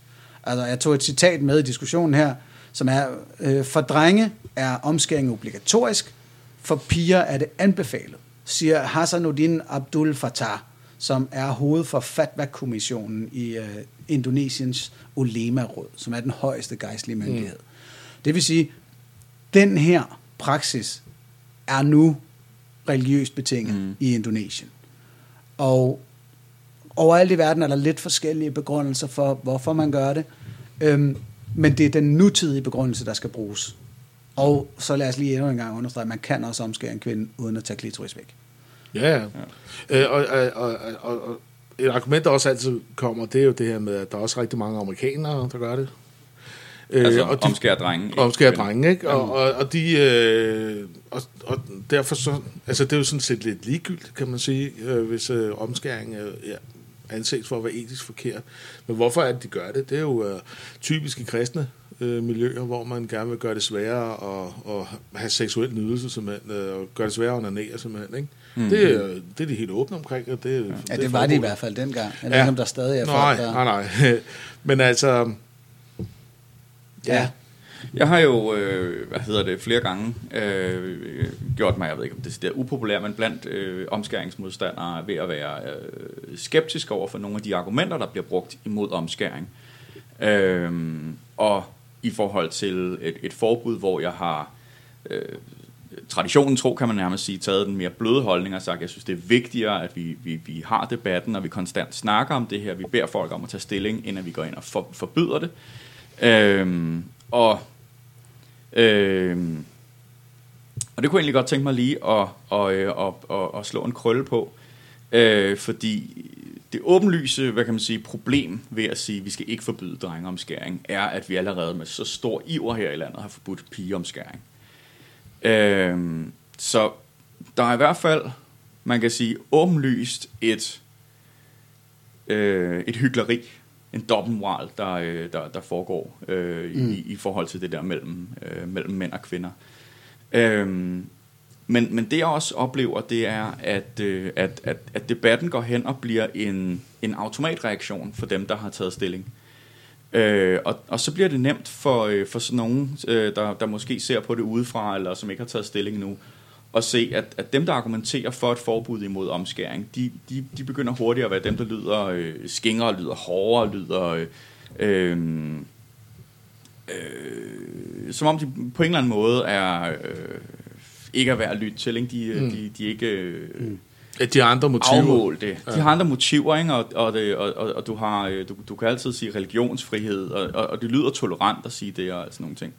Så det, jeg egentlig kunne tænke mig at pege på, var, at, at, at øh, de to bedste argumenter, der er i den her debat, og det er, Adam Holm har lidt været inde på dem, som jeg synes, man skal gå ind og anerkende, når man taler imod. Øh, fordi det kan også være en god måde at vise, at man netop ikke er fanatisk, at man er ikke, man er ikke bare højt råbende islamofobisk øh, omskæringsmodstander. Nej, man har, man har tænkt tingene igennem, og man kan se for og imod og alt sådan noget. Og der synes jeg, at det ene, han peger på der, øh, som i hvert fald resonerer fint med mig, hvis man taler øh, konsekvensetik, hvilket mange jo gør. Og så at sige, jamen, den absolut mest velfungerende minoritet øh, her i landet og i rigtig mange lande er den jødiske, som praktiserer den her, den her form for, øh, for omskæring. Øh, det må i hvert fald til for noget. Det kan godt være, det ikke er et afgørende argument, og det gør det ikke etisk på nogen som helst måde, men det må tælle for noget i ens overvejelse om, hvad er godt og hvad er skidt, og se på, at her er et samfund, som, som, som, som, som gør det her indgreb imod deres drengebørn, og så, øh, og som så til gengæld klarer sig godt øh, akademisk og finansielt. At går der noget af os ved at anerkende, at det eksisterer, øh, samtidig med at vi så påpeger, at for nogen går det så hen og bliver også et, et livslangt traume og noget, der, der holder dem tilbage og, og gør, at de føler sig forkerte. Og, og, jeg kan og bare ikke lade være med at tænke, at det er en non sequitur. Og det har ikke noget med sagen at gøre, at det jødiske samfund er et harmonisk, succesfuldt segment af befolkningen. Jamen, når vi, når vi vurderer, om noget er godt eller skidt, altså når vi foretager en etisk vurdering, er det så ikke altid i forhold til noget, og er det så ikke okay at drage de ting ind, vi kan nej, sætte nej, i forhold altså, til? den kommer lidt af, der var Hitchens havde den her debat med en rabiner engang, som Ja, ja. snakker om, at jamen, så får du klippet noget forhuden, og så er din chance for at få en Nobelpris meget højere. ja, ja. Bare, jamen, vi kan hurtigt blive enige om, øh, det er ikke cause and effect på nogen måde. Nej, nej. Det er ikke, fordi du bliver klogere af at fjerne din forhud. Øh, det er en, en, en hvad skal man sige, demografisk sammenhæng, at Ja. jøder er ret godt begavede mennesker og har en, en høj intellektuel standard og, og kultur. Nej, der er faktisk en parallel, fordi du Det har ikke den, noget øh, med selve pikken at gøre. det har ikke det noget er med bare at gøre. det er non sequitur. Ja, det er det, og det er der ikke nogen tvivl om. Så jeg, jeg er ikke inde og, og forsvare at selve argumentet. Jeg er inde og anerkende, at, at, at, at, at det argument bygger på en reel observation, som jeg synes, vi skal gå ind og anerkende. Øhm, og så er det så, øh, parallellen er, at øh,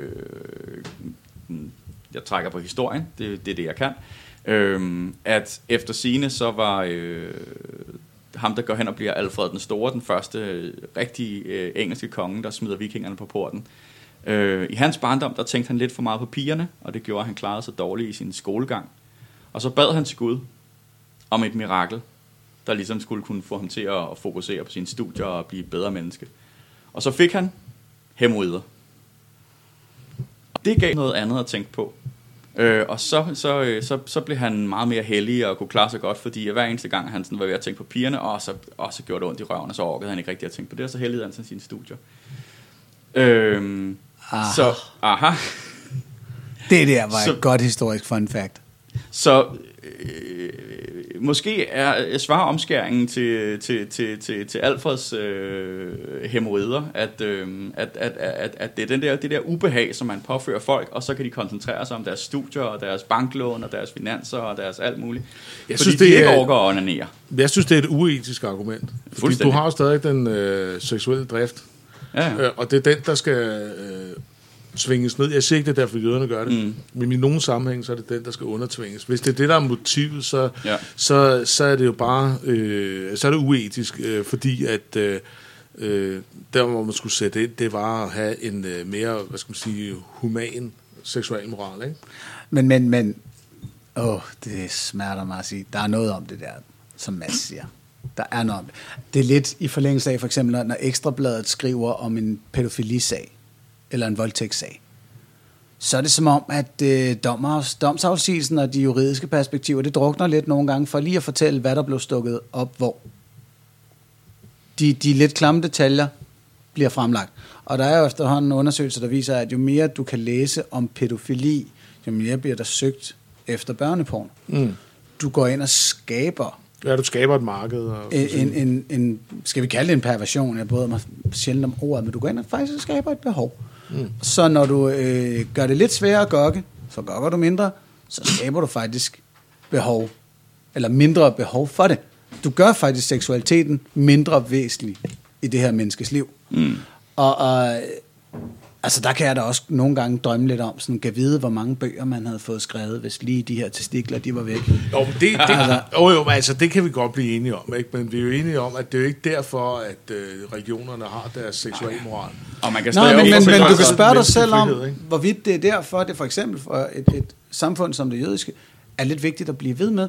Fordi der sidder måske nogle gamle mænd rundt om nogle bord engang imellem og siger, har I bemærket, at vores drenge, de klarer sig ret godt i skolen i forhold til de andres. Og det kan vi Og godt det lide. kan være på grund af omskæring. Det kan være, fordi de ikke gokker helt så meget som de der lømler. Så synes jeg, man skulle lave nogle studier af det, der ligesom kunne underbygge det. Ikke?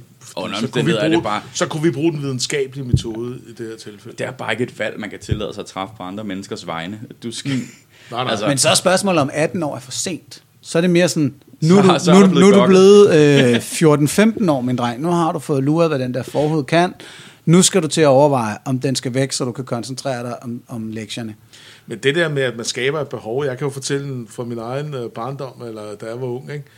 Øh, det er ikke fordi, at altså, vagtselskabet har skrevet specielt meget om masturbation og onani og sådan noget, men det var helt tydeligt, det var forkert, ikke? og det kom sådan en gang imellem, men det var ikke sådan, noget, de slog mest på. Men så var der sådan en, øh, der var sådan en historie om øh, en, som havde det svært med det her med masturbation, og han havde prøvet alt muligt øh, og bede, og, og han havde kæmpet mod det i overvis og faldet i gang på gang, og til sidst var han kommet ud af det. Ikke? Det var sådan en lille opbyggelig historie en oplevelse fra det virkelige liv.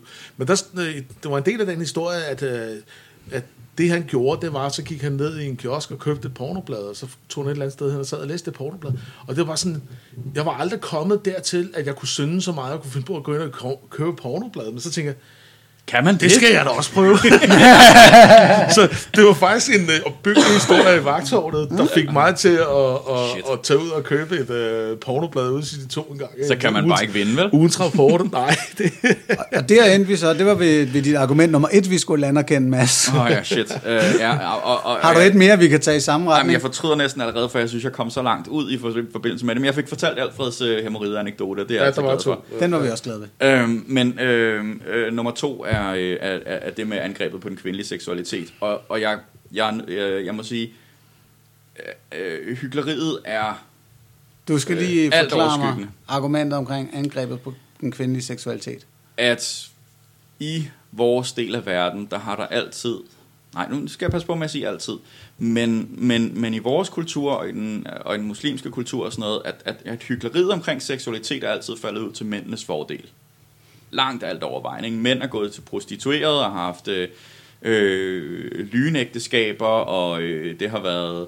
Altså, det er kvinderne, der bliver gravide, og det er kvinderne, der bliver straffet og, øh, for, øh, for utroskab og alt sådan noget. Det, det, det har altid været, været, været kvinderne, der fik den, den, den, den hårde ende af det. Så, altså, så, så jeg synes, øh, at, at det er stadigvæk en, en, et hyggeleri at sige, at, at det skal være forbudt for kvinder og ikke for mænd. Det skal være forbudt for begge køn. Øhm, men, det er, men det kan virke hjerteløst. Og det er det, jeg synes, man skal være hurtig at gå ind og, og anerkende. Det kan virke hjerteløst ikke at anerkende, at, at, at med det massive pres, der altid har været på at undertrykke kvindernes seksualitet, øh, så, har, øh, så har det været mere akut at forbyde kvindelig omskæring. Alene af den grund. Den er Det er- fuldstændig med på, den Det er i hvert fald det, som jeg gerne vil gå ind og anerkende. Så øh, det ved jeg ikke, om det, øh, om det er den baserende kønsdebat, der ligesom også er inde og, og gør os opmærksom der. Ikke? Jeg vil gerne være med til at gradbøje drengeomskæring og pigeomskæring. At ja, der er de fleste pigeomskæringer involverer klitoris, så vidt jeg forstår det. Der er lidt forskellige tal. Mm. Men de fleste gør klart, og det handler om at begrænse kvindernes seksualitet. Hvor drengeomskæring, der er nogle andre motiver og begrundelser osv. Det er ikke nær samme angreb på seksualiteten. Helt sikkert.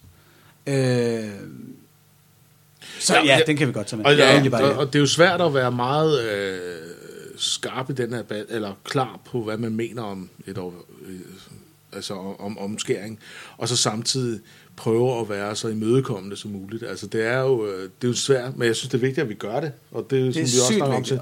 Det er ja. utrolig vigtigt, at det her ikke kommer til at lyde som om, at det er øh, ignoranter eller religiøst vanvid. Og jeg synes også at bruge øh, en retorik med forhudsdestruktion eller øh, Lemlæstelse. øh, lemlæstelse og sådan noget. Jeg synes, det behøver man faktisk ikke. Og det irriterer og, mig og, helt og det irriterer mig lidt, at man gør det. Ja, Øh, nu skal du nemlig høre, fordi det, nu skrev jeg til Adam på den der øh, Facebook-opdatering og sagde, hey, fedt, og tak for din tone, og her er min nedslag i din argumentation, hvad tænker du?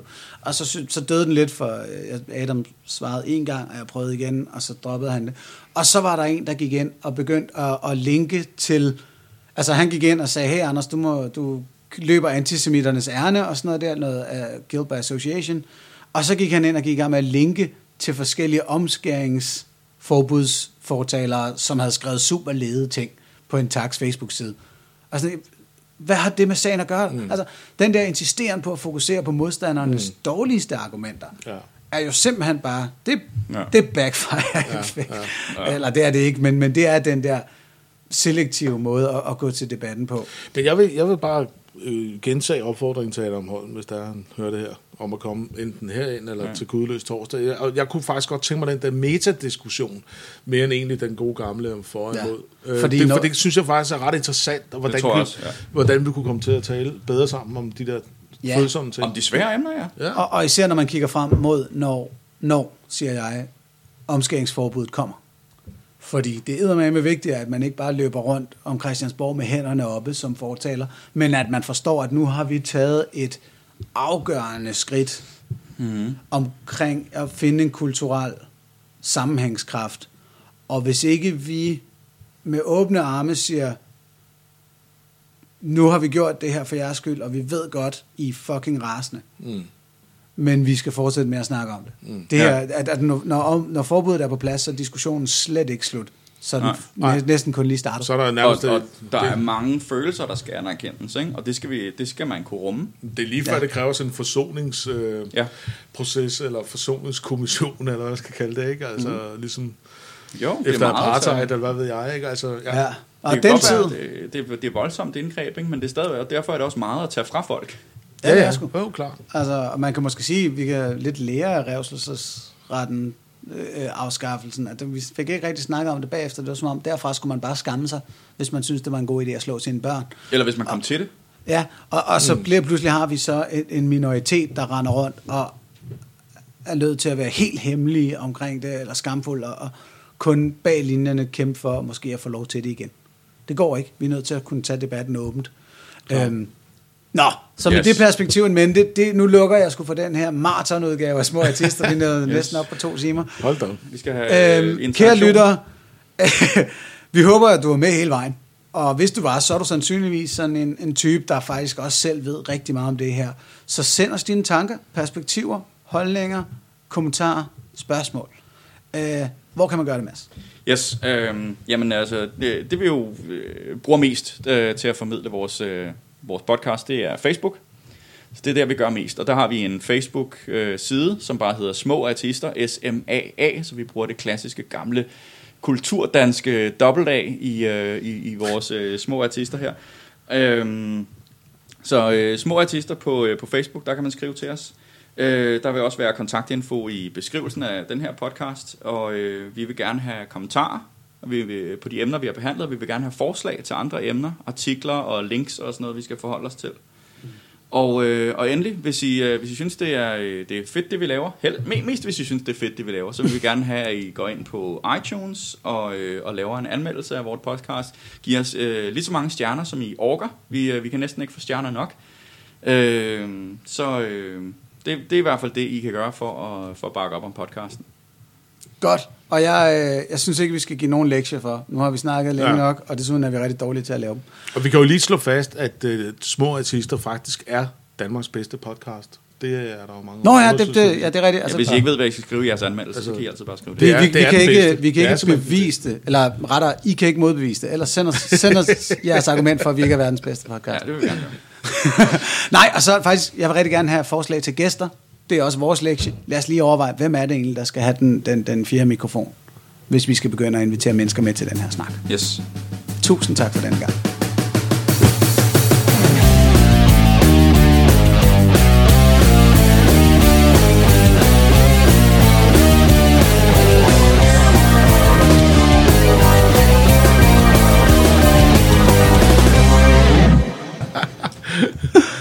Hele krig.